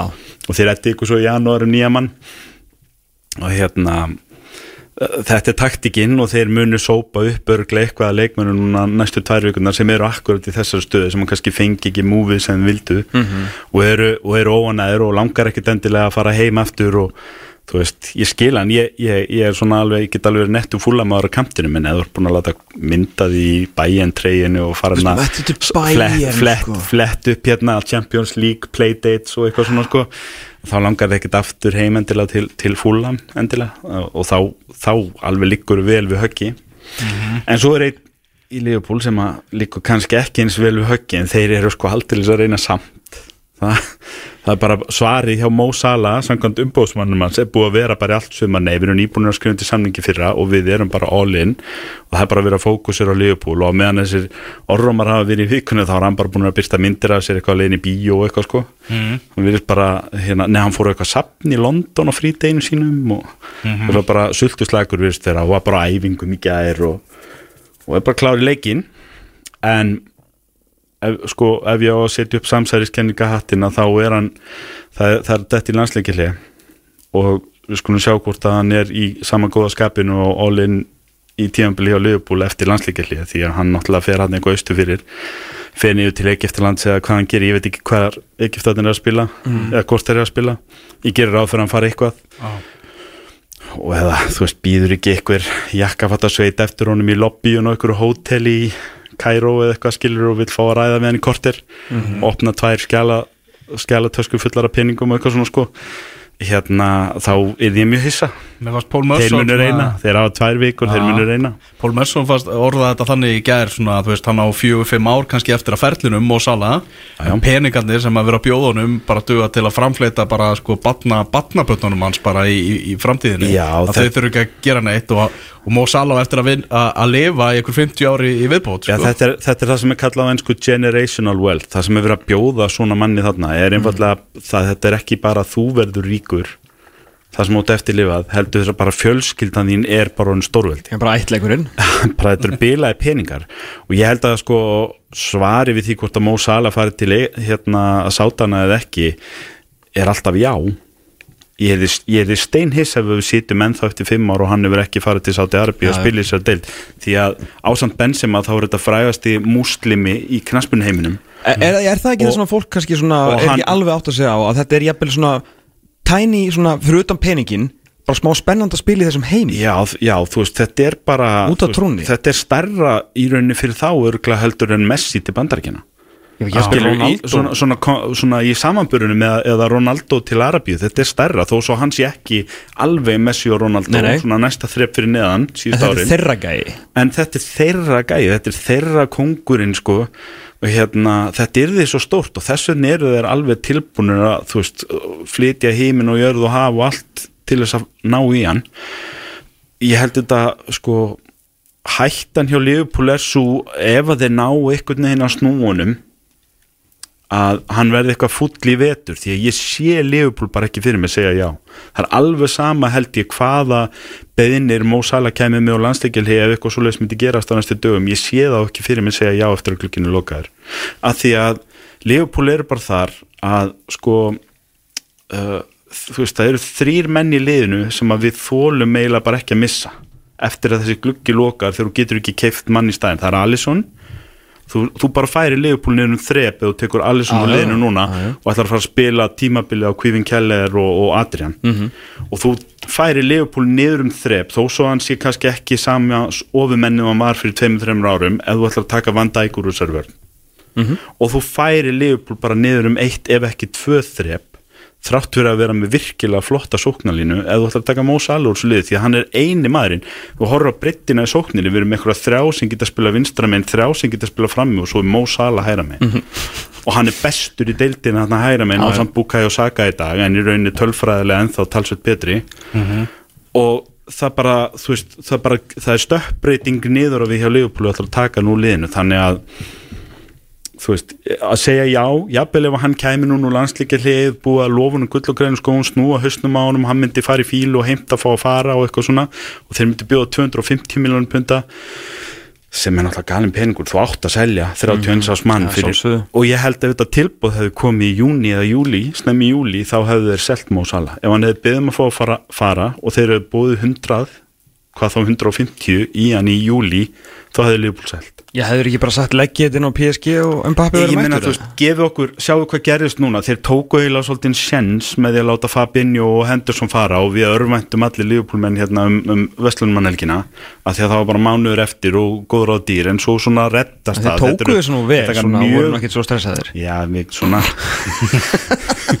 Var, var, var þetta kalt það Smá. Þetta þetta voru alveg þrjára andvökunna En hérna En, En en, allt- en þeir allt sjá í það, þeir, gáðu sér mánuð og þetta svona veist, Graminberg er komið núna og, og, og, og Wataru-san.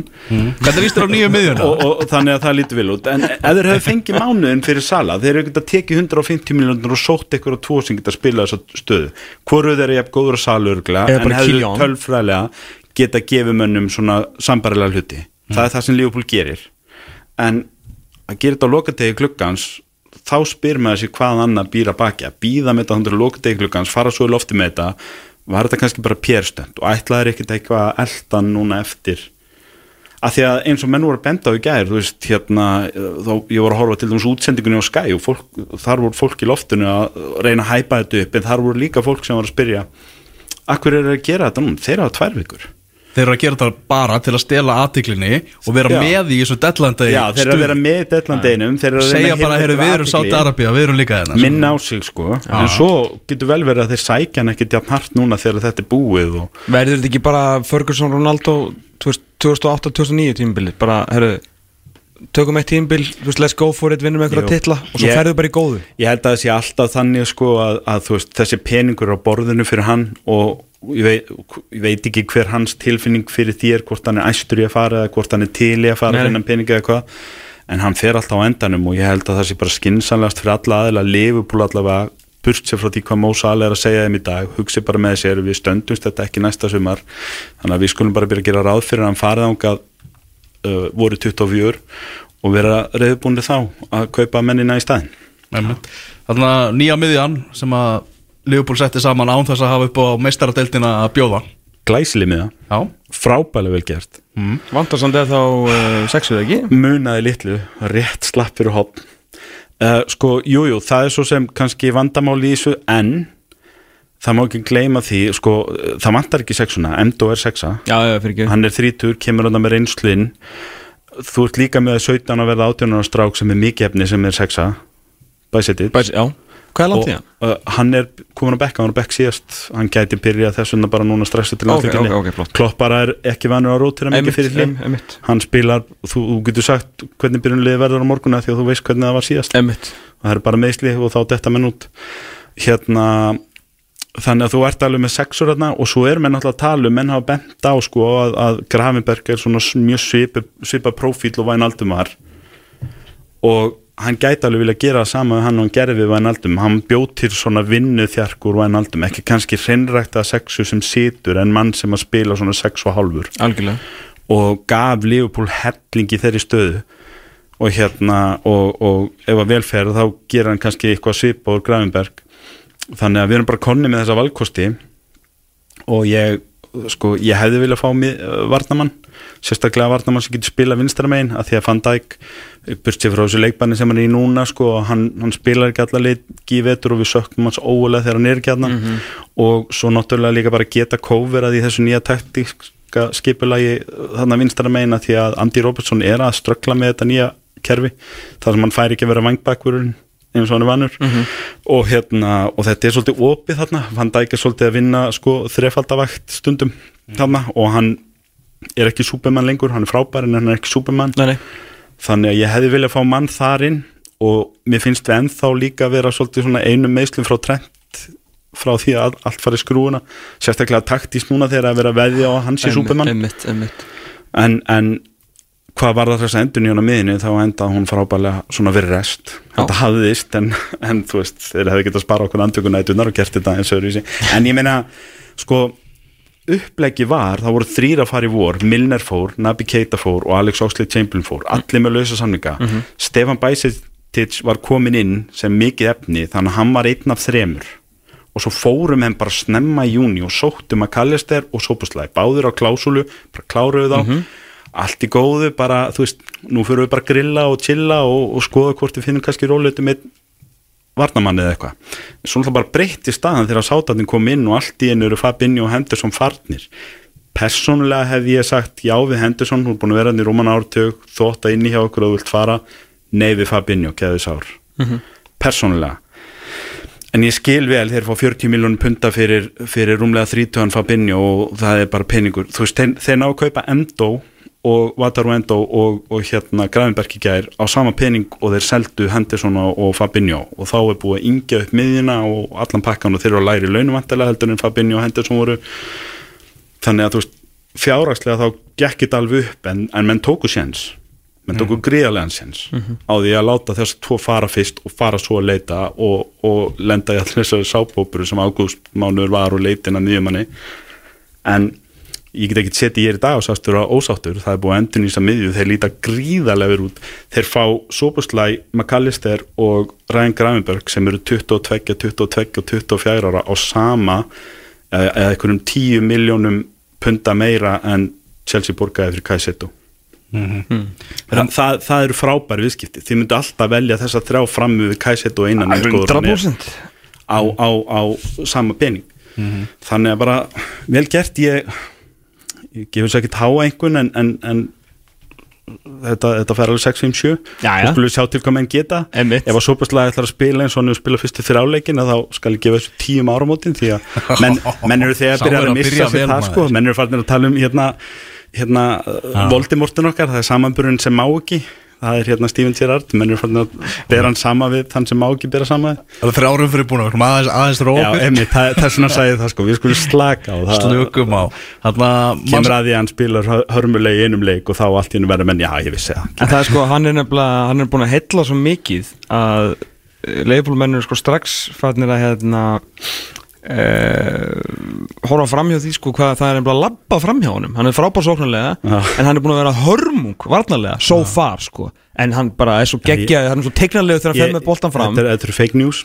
Þetta er fake news. Hann er segðast að engin miður maður í deildinni verið dribbled past hérna, heldur en hann sko. Já, þetta, þið, þið hérna, Excel töflur reikna menn, þið hérna, kunni ekki gott að mitta. Það er rétt, það er áður En hann er búin að vera æðislegur fram á við sko. alveg æðislegur Er það förum yfir á, á, á Old Trafford uh, Erik Den Haag hafði nægu að snúast í gær hann var við fjórar handabandamindir hjá honum Er það ekki bara, þú veist, er ekki ákveðna aðvöruna bjöllur í því þegar þú ert að fá fjóra nýja menn á gluggadeginu bara tímabilið farið að stað og þú ert að fá sko, ok, þú ert að fá hann að neyðar vinstri bakvörð í Sergio Rekulón, þú ert að fá varamarkmann hann að inn, Amrabat er náttúrulega mættur og eitthvað svona lánsamningi með er ekki skilir þau um að kaupa hann á næsta tímabili? Eftir, eftir lánstöluna og fjór, fjóruði var Johnny Evans. Hann er mættur aftur. Johnny Evans, hann er, góð, hann er hörku góður á á hérna æfingarsæðinu ég, ég myndi eiginlega fara að valja að gera grína því. Hann spila sennilega 0 mínútur nefnum eitthvað mikið gerist ég fyrir United í veitur að spila sko. Heldur það? Já. Johnny Evans er hörku helvitis Já, ég, sko, sko í deildinni og mistardeildinni en, en þú ser hann auðvitað í deildabíkarnum með ungustrákunum ég er líka bara að það var hann og mhm. þú veist var hann helst aldrei heitt það er ekkit vittlust að hafa tekið hann og fengið þessa röttin og annað. Pælingi var náttúrulega fyrst uppálega að fá hann inn til að bara segja hann losa Harry Maguire þannig að hann getur verið svona varaskefa einhvern veginn stæðan fyrir hann. sko þetta virkar á mig, ég spyr mig að því að við tölum mikið um það í vor að þetta getur verið hættulegt sumar fyrir United og nú faraður inn í meistaradelt fara tvisasunum á Wembley og það er vöxtur í félaginu og það er jákvæðin í félaginu og menn vilja fylgja því eftir með því að svona láta knið fylgja kviði í sumar. Mm -hmm. og þeir náðu því svona einhvern veginn ekki alveg með hvað þeir sækja svona kannski helmingin af þessum skotmörkum sínum. Hinnir eru bara einfallega of dýrir og þeir get ekki tekið þátt í uppbóði eða eitthvað sko. Uh, hérna bjarga sér fyrir hótt með, með þetta hérna með þennan Amrabat-díl að fá hann að láni því að þá náttúrulega bara hreinlega vantar miðjumann, Freddi farinn og, mm, og, og hérna hann og hann sem var lítið svag fyrir Scott McTominay. Já, Sabitzer sem var á láni fyrra hann er farinn mm -hmm. hérna aftur heim og, og eitthvað svona sko uh, þetta, þetta, þetta hljómar sko því að það er kannski ekki hægt að segja að það hef ekki verið einn settur peningur í United í sumar þeir kaupa Rasmus Hólund og Mason Mount og Andri og Nana fyrir upphæðir mm -hmm. þetta eru 150 miljónir mm -hmm.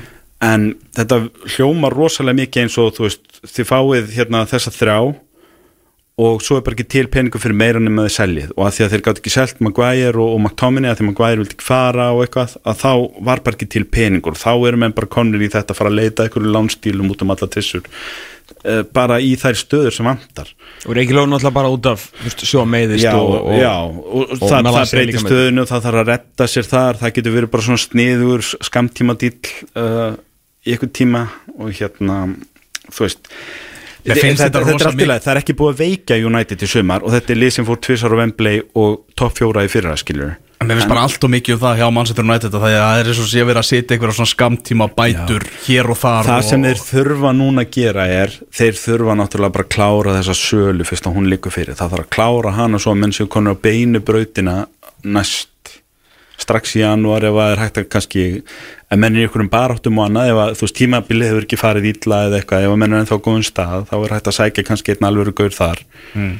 og skipilegja sér svo vel fyrir næsta sumar mm. þá svona getur þetta sloppi fyrir hotn og við getum litið tilbaka á þetta sem sumarið sem að þú veist þetta svona slapp fyrir hotn rétt á með þeir voru söluferlinu og mistu ekki öll hínliðin fram úr sér aftur mm -hmm. en hættan er náttúrulega að þeir hafi verið að missa liði fram úr sér. Þetta, þetta lítur ekkert svona alveg frábæli út í byrjun tíum bils og það er búið að neikvæðin í kringum klubbin menn er ennþá að mótmæla gleisirunum og þetta mm -hmm. með svona grímútmál fór illa á hann í marga sístu tverrvíkur og, ah. og, og, hérna, og það er ennþá verið að gagna fyrir það að því að það kemur náttúrulega daginn að þeir leta hann ekki fara, þeir lánuð hann bara og menn spyrja sér ætlaði er virkilega að reyna að taka hann inn næsta sumar mm -hmm. sem verður þá mjög óvinsælt. Mm -hmm. Þannig að það er ímestlegt í gangi, það er háað í kringum klubbin ennþá en það var meiri áhuga í kringum klúb í ágúst september í fyrra og Ten Hag stóð það af sér. Mm -hmm. hann fer bara aftur út að hlaupa með strákunum en aðeins með Mason Green, Greenwood það er ótrúlega óvantustu fréttinnar á gluggadeginum. Uh, maður einhvern veginn umræðan var, var orðað við félug í Albaníu og Tyrklandi og eitthvað. Hann endar hjá Getafe bara í La Liga. Madrid. Já, já. bara í Madrid í og hugsa ykkur hvað þetta er tóndir það er eins og menn voru að benda á þetta mimban sem Getafe byrtað það sem að það eru svona stu, hópu stuðnismanna fyrir utanvöllin mm. að fagna því að Mason Greenwood sé staðfestur. Og hérna og, og svo erum við að benda á þú þetta eru allt strákar, það eru engar konur að því að, að því að ég veit ekki hvort það er tekið eftir því náttúrulega vinni í bransanum það er smá umræði gangi að spánu um þessi mál núna. Jú, jú. Þeir eru eitthvað sitt me too moment. Loksin, sko, þetta er alltaf náðu aldrei til Spánur í fyrir Spænska landslið varð heimsmeistari kvenna í knaspin og það var bara tekið að þeim því að þær eru bara búin að vera ykkur um fellibíl bara halda sér inn og fela Já, sig bara því að síðan fórsetið fór í skrúusleik og bara var að klípi rassa og eitthvað sko. Já og svo eru menn bara fannir að þú skólabókudæm gaslýsingar og ég veit ekki hvað. Þetta, er bara, þetta er alveg svakalett og svo í þessum hasaröllum og þá einhvern veginn svona þá, þá svona, þetta geta fyrir mál undistrykar þetta einhvern veginn að það, að það vill engin annars snerta nema kannski hérna Lazio og Ítalíu sem er nú undeldu klúpu til að byrja með. Og annars líkt að þú veist það er ekkert ástæðlaus að það er, það er engir mestartölda klúpar að kroppi en þró svo að menn vita þetta sé hörku góður fólkváltamæður uh, en geta við takan, spánverðin takan og svo er bara að fagnunum fyrir utan völl og, og þetta er svona virkar mjög tóndöft og, og hérna ég veit, ég veit ekki ég já, þetta, þetta lítur ekki vel út fyrir neitt neila, ekki fyrir hann, ekki fyrir United ekki fyrir Getafe, ekki fyrir nokkurn mann. Allar að útskýra fyrir okkur hvernig hérna Chelsea fer fram hjá FFP ef FFP er þá til Er, er FFP eins og alvarnir? ég, ég bara veit Bara, Blessuðu fjárhagsreglutnar þú kýst að trúa á ég alva? skil það ekki sko. ég, hérna það var nú einhver grafík sem var að ganga á, á X-inu. Á maður ekki að segja X-ið núna, twitt, Já, gamla Twitter? Já, já, í jú, gær, jú, jú. ekki hér á X-inu? Á að litla X-inu. Á, smörsk að um í er á sko, X-inu gær. síðan að, síðan að Todd Bowley kefti félagið þá hafði þeir eitt núna rúmum miljardi þúsund miljónum punta og hann er búin að vera hérna í hvað 10-20 ára eða eitthvað? Já, nei, nei, hann tók við í mæði fyrir Já, einmitt, það var sérst eitt ár. Þetta er þriðji glíkin Einmitt. Við erum búin að eða þúsund miljónum punda, stellingspunda sko. og þeir eru búin að kaupa 31 leikmann fyrir hennan pening. Og af þessum 31 þá eru núna einhverju 10 farnir aftur og það eru 14 að spila fyrir liði í dag. Hvernig fannst þið Malang Sar hérna Blaman kommentið?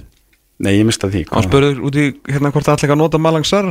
Og hann bara leiti kringu sig hú Hann bara þekkir hann ekki sko. Já, en hann kostaði pening, hann, kost, hann kostaði jafn mikið og, og held ég Leopold borgaði fyrir Wataru Endo Já, Batarusan ah, Wataru-san að hérna, sko, þú veist ég- skilir þetta ekki, það skilur þetta enginn. Það er örglega eitthvað það er, það, er, veist, það er greinlega eitthvað Pep Guardiola Excel-skjálana að vinna þarna í einhverju bakarbyggi þeir eru örglega, þú veist, þeir eru í London það er örugglega mjög stutt að fara bara niður í fjármálakverfið og sækja eitthvað algjör af svona whiskits í, í fjármálunum. Nýri Canary Wharf bara Já, og- bara, þú veist.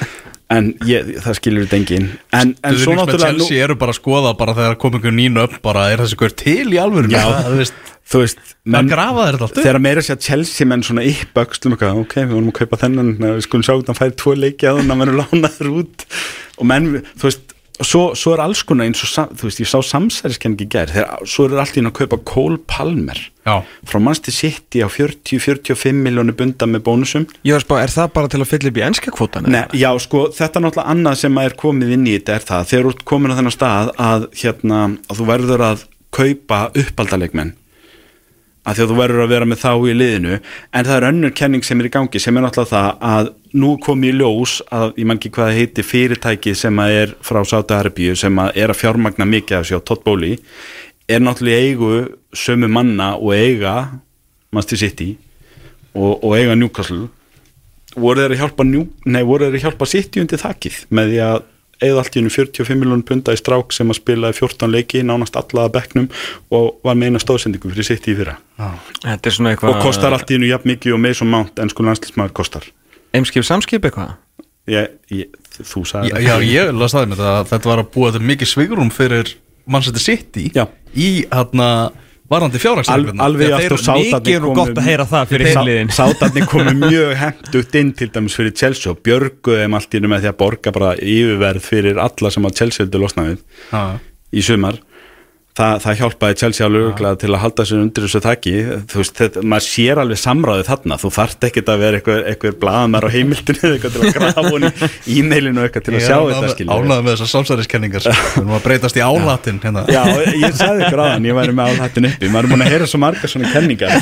Að önnur kenningin var svo að arabarnir væru bara, sátarnir væru bara að bjóða í sala að því að hérna, þeir byrja á þessu bara þegar þeir voru að fara að spila á Newcastle síðust helgi, þá allt í hennu byrjuðu svona, fóruð upp um gýr þessar fréttir sko, reyna, reyna að gera sal eitthvað og, hérna argan.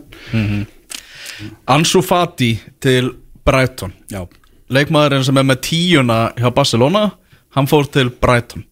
Hvað segir þetta bara hversu mikið rós er þetta fyrir bara Brighton starfið og, og De Serbi sem, sem stjóra? Sko þetta, það verður að koma í ljós núna þegar við kannski fáum að sjá hann á Englandi og eitthvað starf annars það er enn hjá Barcelona sem getur verið svona mikil, mikil hákarla laug ef þú vogaðir á allt einhvernum ombriðum af hverju þessi strákur sem á svona hátt skrifaðir er allt í hennu bara komin á lán til Brighton Já. í Englandi? Tvö- tvö erfið á hjá en á pappirnum að þá er þetta samt svona einn af gullmólinu þeirra og þeir eru að lána til Brighton. Og það segir náttúrulega bara meira en margt um hvar Brighton eru stættir í dag. Einmitt.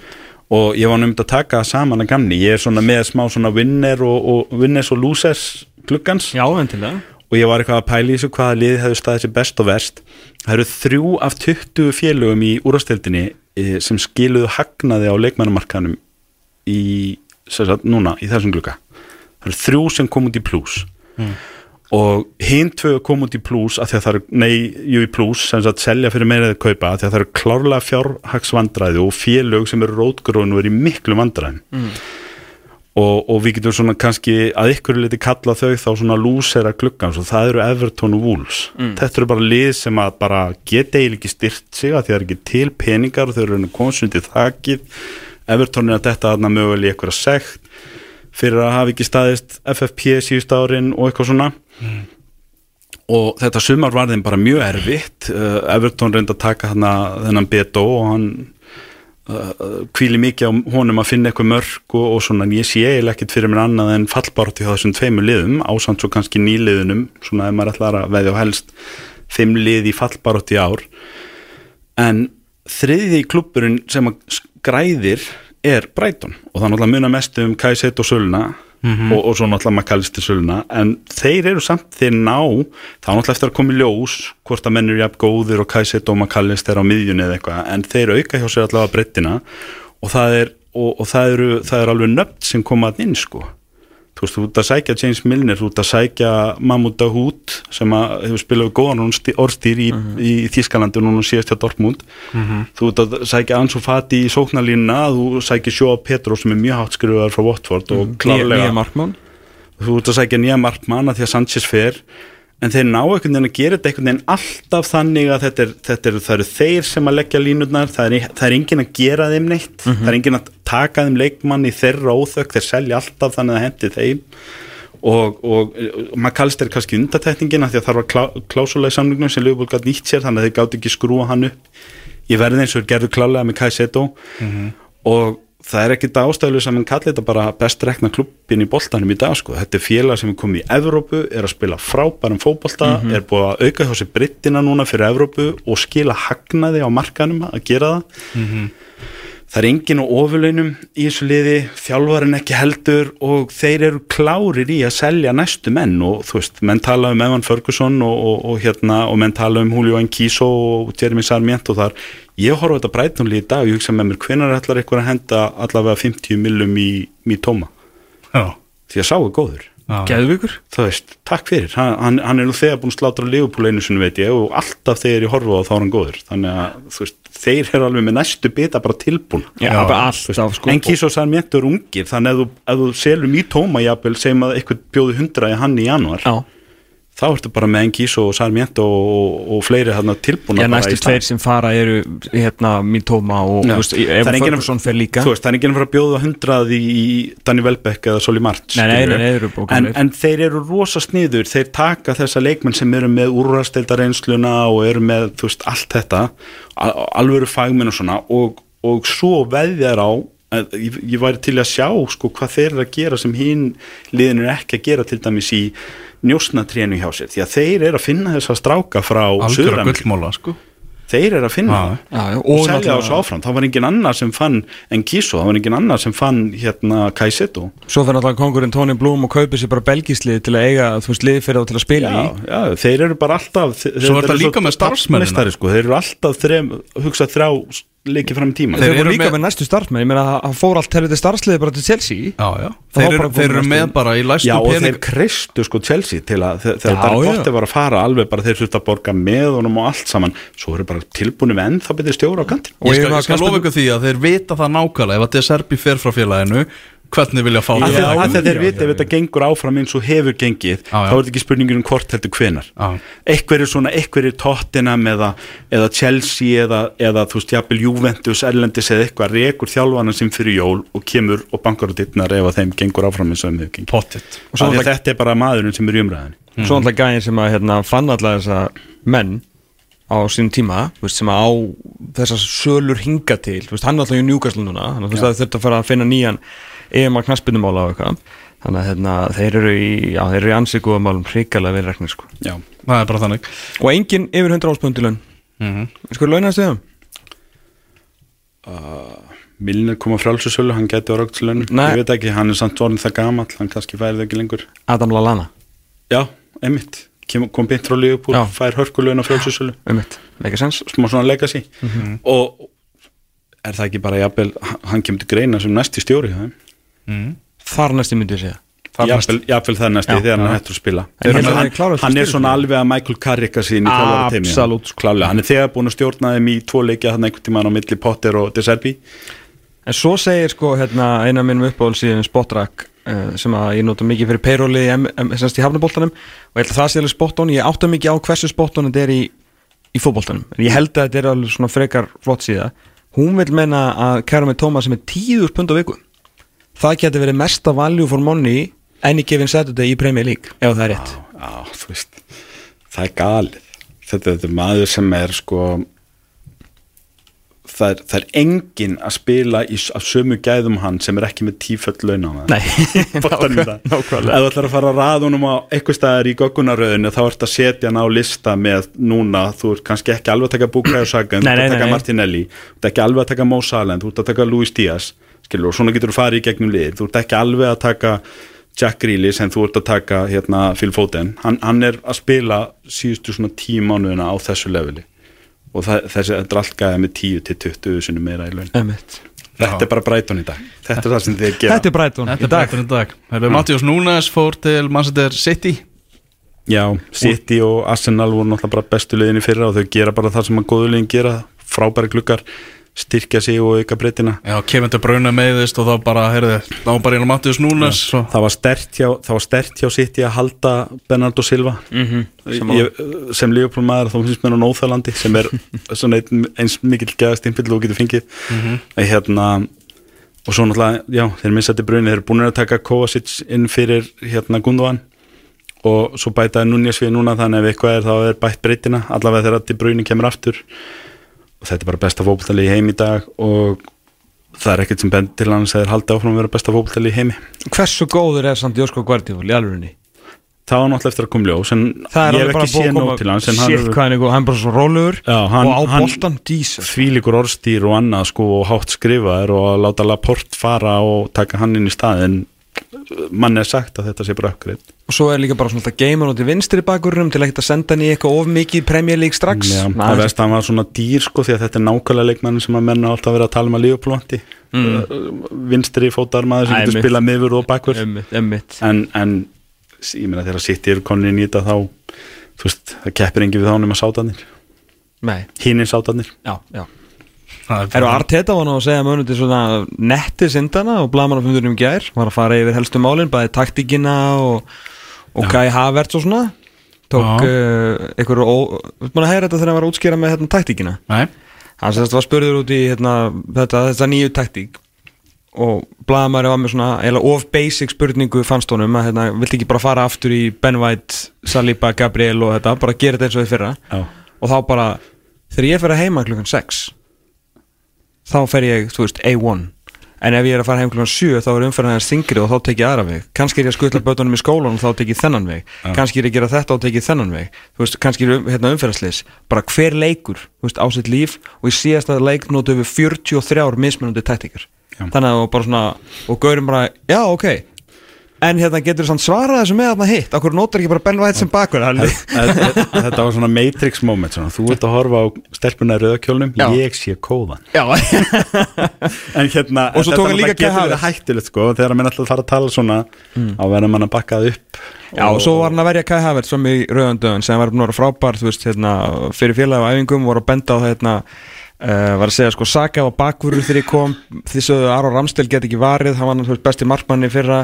Því sögðu Ben White get ekki verið hæri bakvörður. Hann var frábær í hæri bakvörðunum Já. uh, og svo var að benda á allar þessar stöður sem að hann er búin að búa, svona sem að hafa virkað.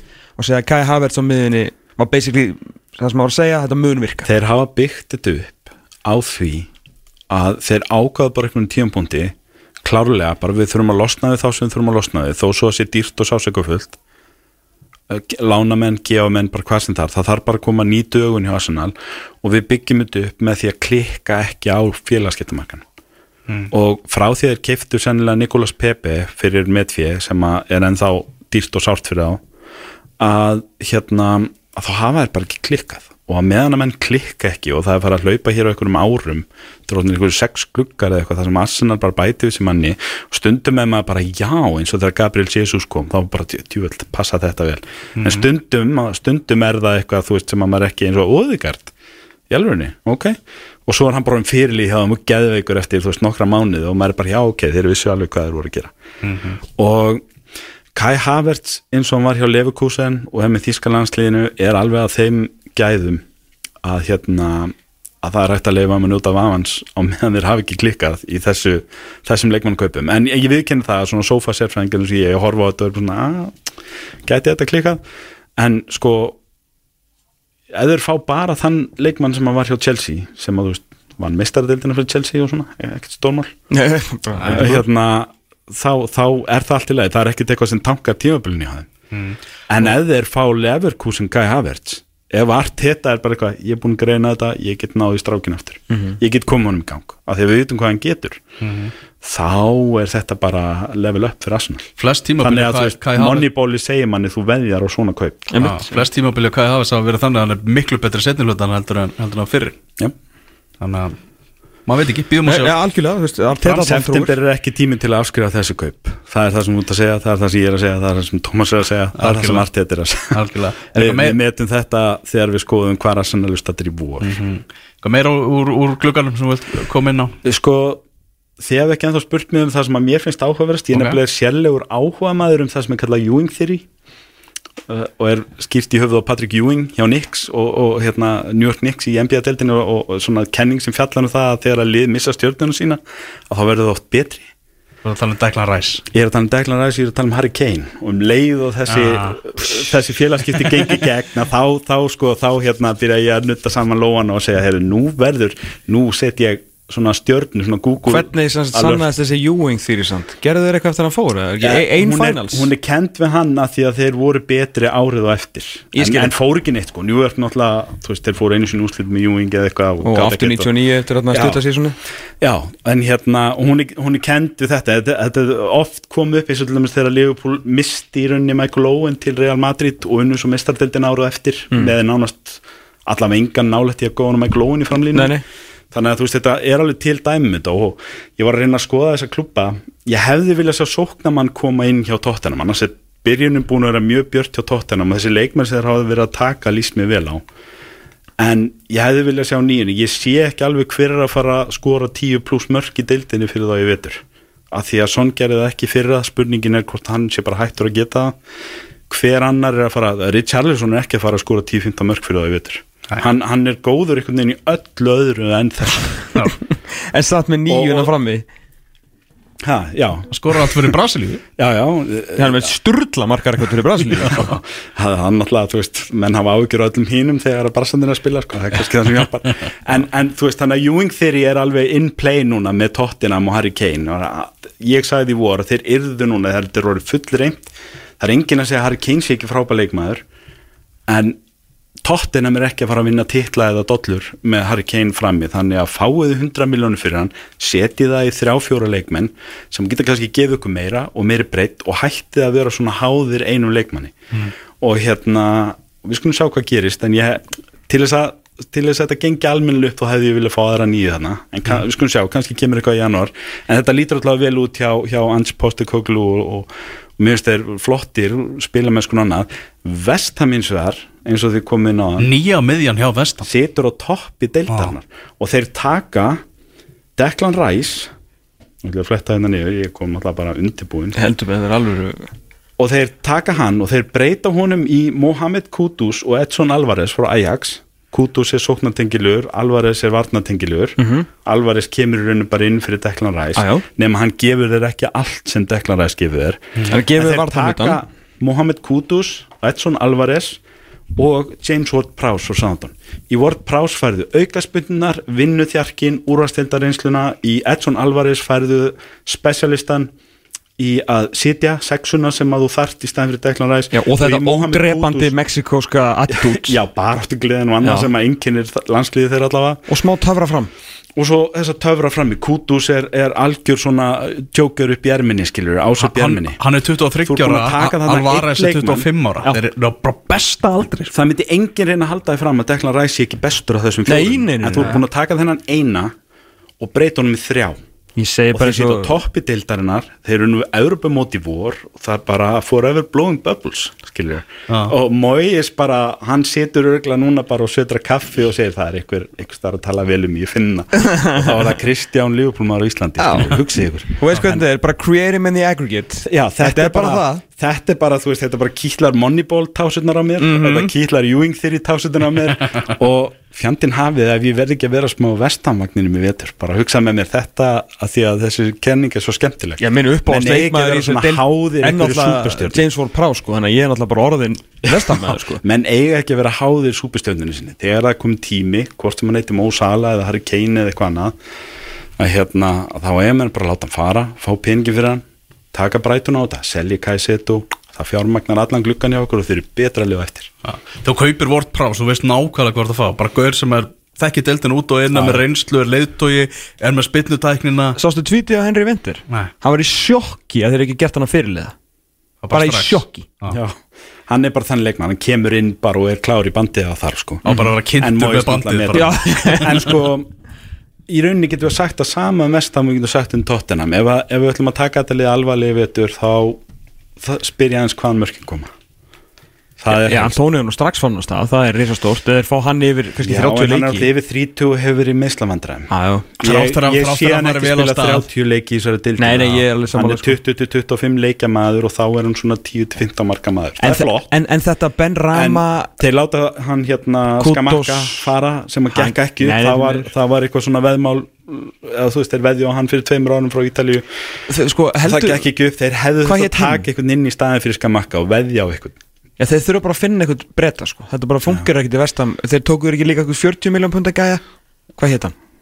uh, Fór á Þískalandi sem hann gæti ekki raskat heldur? Nei, á Haller, fyrir ekki, Já, tóku Sebastian Haller. þau tóku Haller. Þú veist, frábær Já, leikmaður. En þetta funkar ekki þarna. Nei, það er, það er svona það sem að helst vantar þar ef við viljum taka þá alveg og, og í rauninni tóttina líka. Fyrir mér þá er þetta tvölið sem ég horfa á sem geta strýtt öllum í vetur en það vantar svona marka ógnina og mun kannski vanta eitthvað upp á stöðuleikan til þess að þetta séu lið sem að er í einhverju mistaradildar umræðu og ég segi þetta með vestam á toppnum við vitum Já, að það er toppnum en- en, samt með Ben Rama, Bowen, Kudos Antonio Já, eru. Fullt af möguleikum En það er bara þegar þú ert í deadlockinu Já. þegar þú ert að spila leikin sem skiptir máli þú ert að spila veist, 0-0 og 10 myndir eftir að um þú Sheffield United. Já, eða þú, eða, eða þú hittir á Arsenal eða, eða, eða Liverpool eða eitthvað á off-degi en svo bjarga Mó. Salaði hver ætlar að bjarga Vestham þegar það er off-dagur Það verður, skal ég segja það Gerald Bowen? Nei, það verður Nathan Aguert Eftir aukarspilni frá James Ward Prowse tíu sinnum í vetur þetta, er verður menninni sem breyta jafntöflum í sigra fyrir þá Já. Kristján Alli að spurði hvort við fáum það aftur þegar að gluggataðinu Sátaglöggin er búinn. Sáttaglíkin er búin Allir hvernig stemningi verður þá Sérstaklega ef Sala verður farin. Herru, hérna Enski boltin er að fara á stað Bara búin að, hérna, Sheffield United 2 Everton 2 Þannig að eh, Lokatölur. Jafntöfli gerir nú ekki mikið fyrir þessi lið. Fallstagnum. Tottenham, Börnlega er að fara að spila á Tottenham sem er Jói Berger í byrjunleginu Chelsea er að fara að spila núna heima gegn Nottingham Forest, Chelsea, Tottenham og City eru öll að fara að spila hérna núna, engin Brennan Johnson í liðinu hjá Forest því hann er í Tottenham uh, Manchester. City Fulham en svo er vægasagt áhugaverður síðdeisleikur uh, verður að segja það sem að, uh, jú, umtalaðir hér, Brighton menn taka móti Newcastle sem er aðeins bara með þrjú stig eftir fyrstu Er pressa á Há? Nei, ekki alveg strax Er hann tapar í dag? Eitt sigur, þrjú töp í fyrstu fjórum Æjú, að þú veist, Dauðariðlinu mistarlinu ég held að mín kona Stöfley muni svona- Hvena byrja minna brína hnífan allavega? Þeir gefa honum tjamparan, hann er búin að vinna fyrir því. Það er ekki- vonuð alltaf, en maður veit ekki hvað sem hann gera. Nei, Og þessi kona. Nei. Amanda. Já. hérna, Herru við fórum að slá botnin í þetta. Við fengum Flósa Eriksson, formann uh, knarspundildar Breiðabriks er í heimsókni fyrir í þættunum og fórum yfir í allt sem er bara búið að gerast og það sem mun gerast hjá blíkonum sem eru auðvitað að fara í, í nýja vegferð. Að skrifa nýjan kapla í íslenskri knarspundnu sögu. Tókum síðan smá snúning á bestu dildinni og lengju dildinni og vorum hér að taka sérni klukkutíman í The Premier League sem er auðvitað að fara á stað núna á síminn sport. Ef ég er að fara að fylgja landsliðinu, það er Já. uh, Luxemburg á, á föstu daginn næsta Já, ég var ennþá eftir að taka ákvörðun því að ég er einmitt í líka sko hvort Hvað, Er þetta limbói? Ég er í limbói með hvort ég verði hérna fyrir ykkur næsta lögða því að ég er sömulegis að koma heim frá, frá Kaupmannahöfn og er á leiðinni í brúðköp hjá hann garðarinn mínum en svona við sjáum til mér svona líklegt að við verðum mynda fyrir fólki í landinu Já, að hérna, kannski ekki sérstaklega vel sofin en, en sjáum til já, já. Ef að segja að þeir séu svona meiri líkur í minni að við erum hérna aftur til 6 og 22 tíma þangað til verðið sæl. 977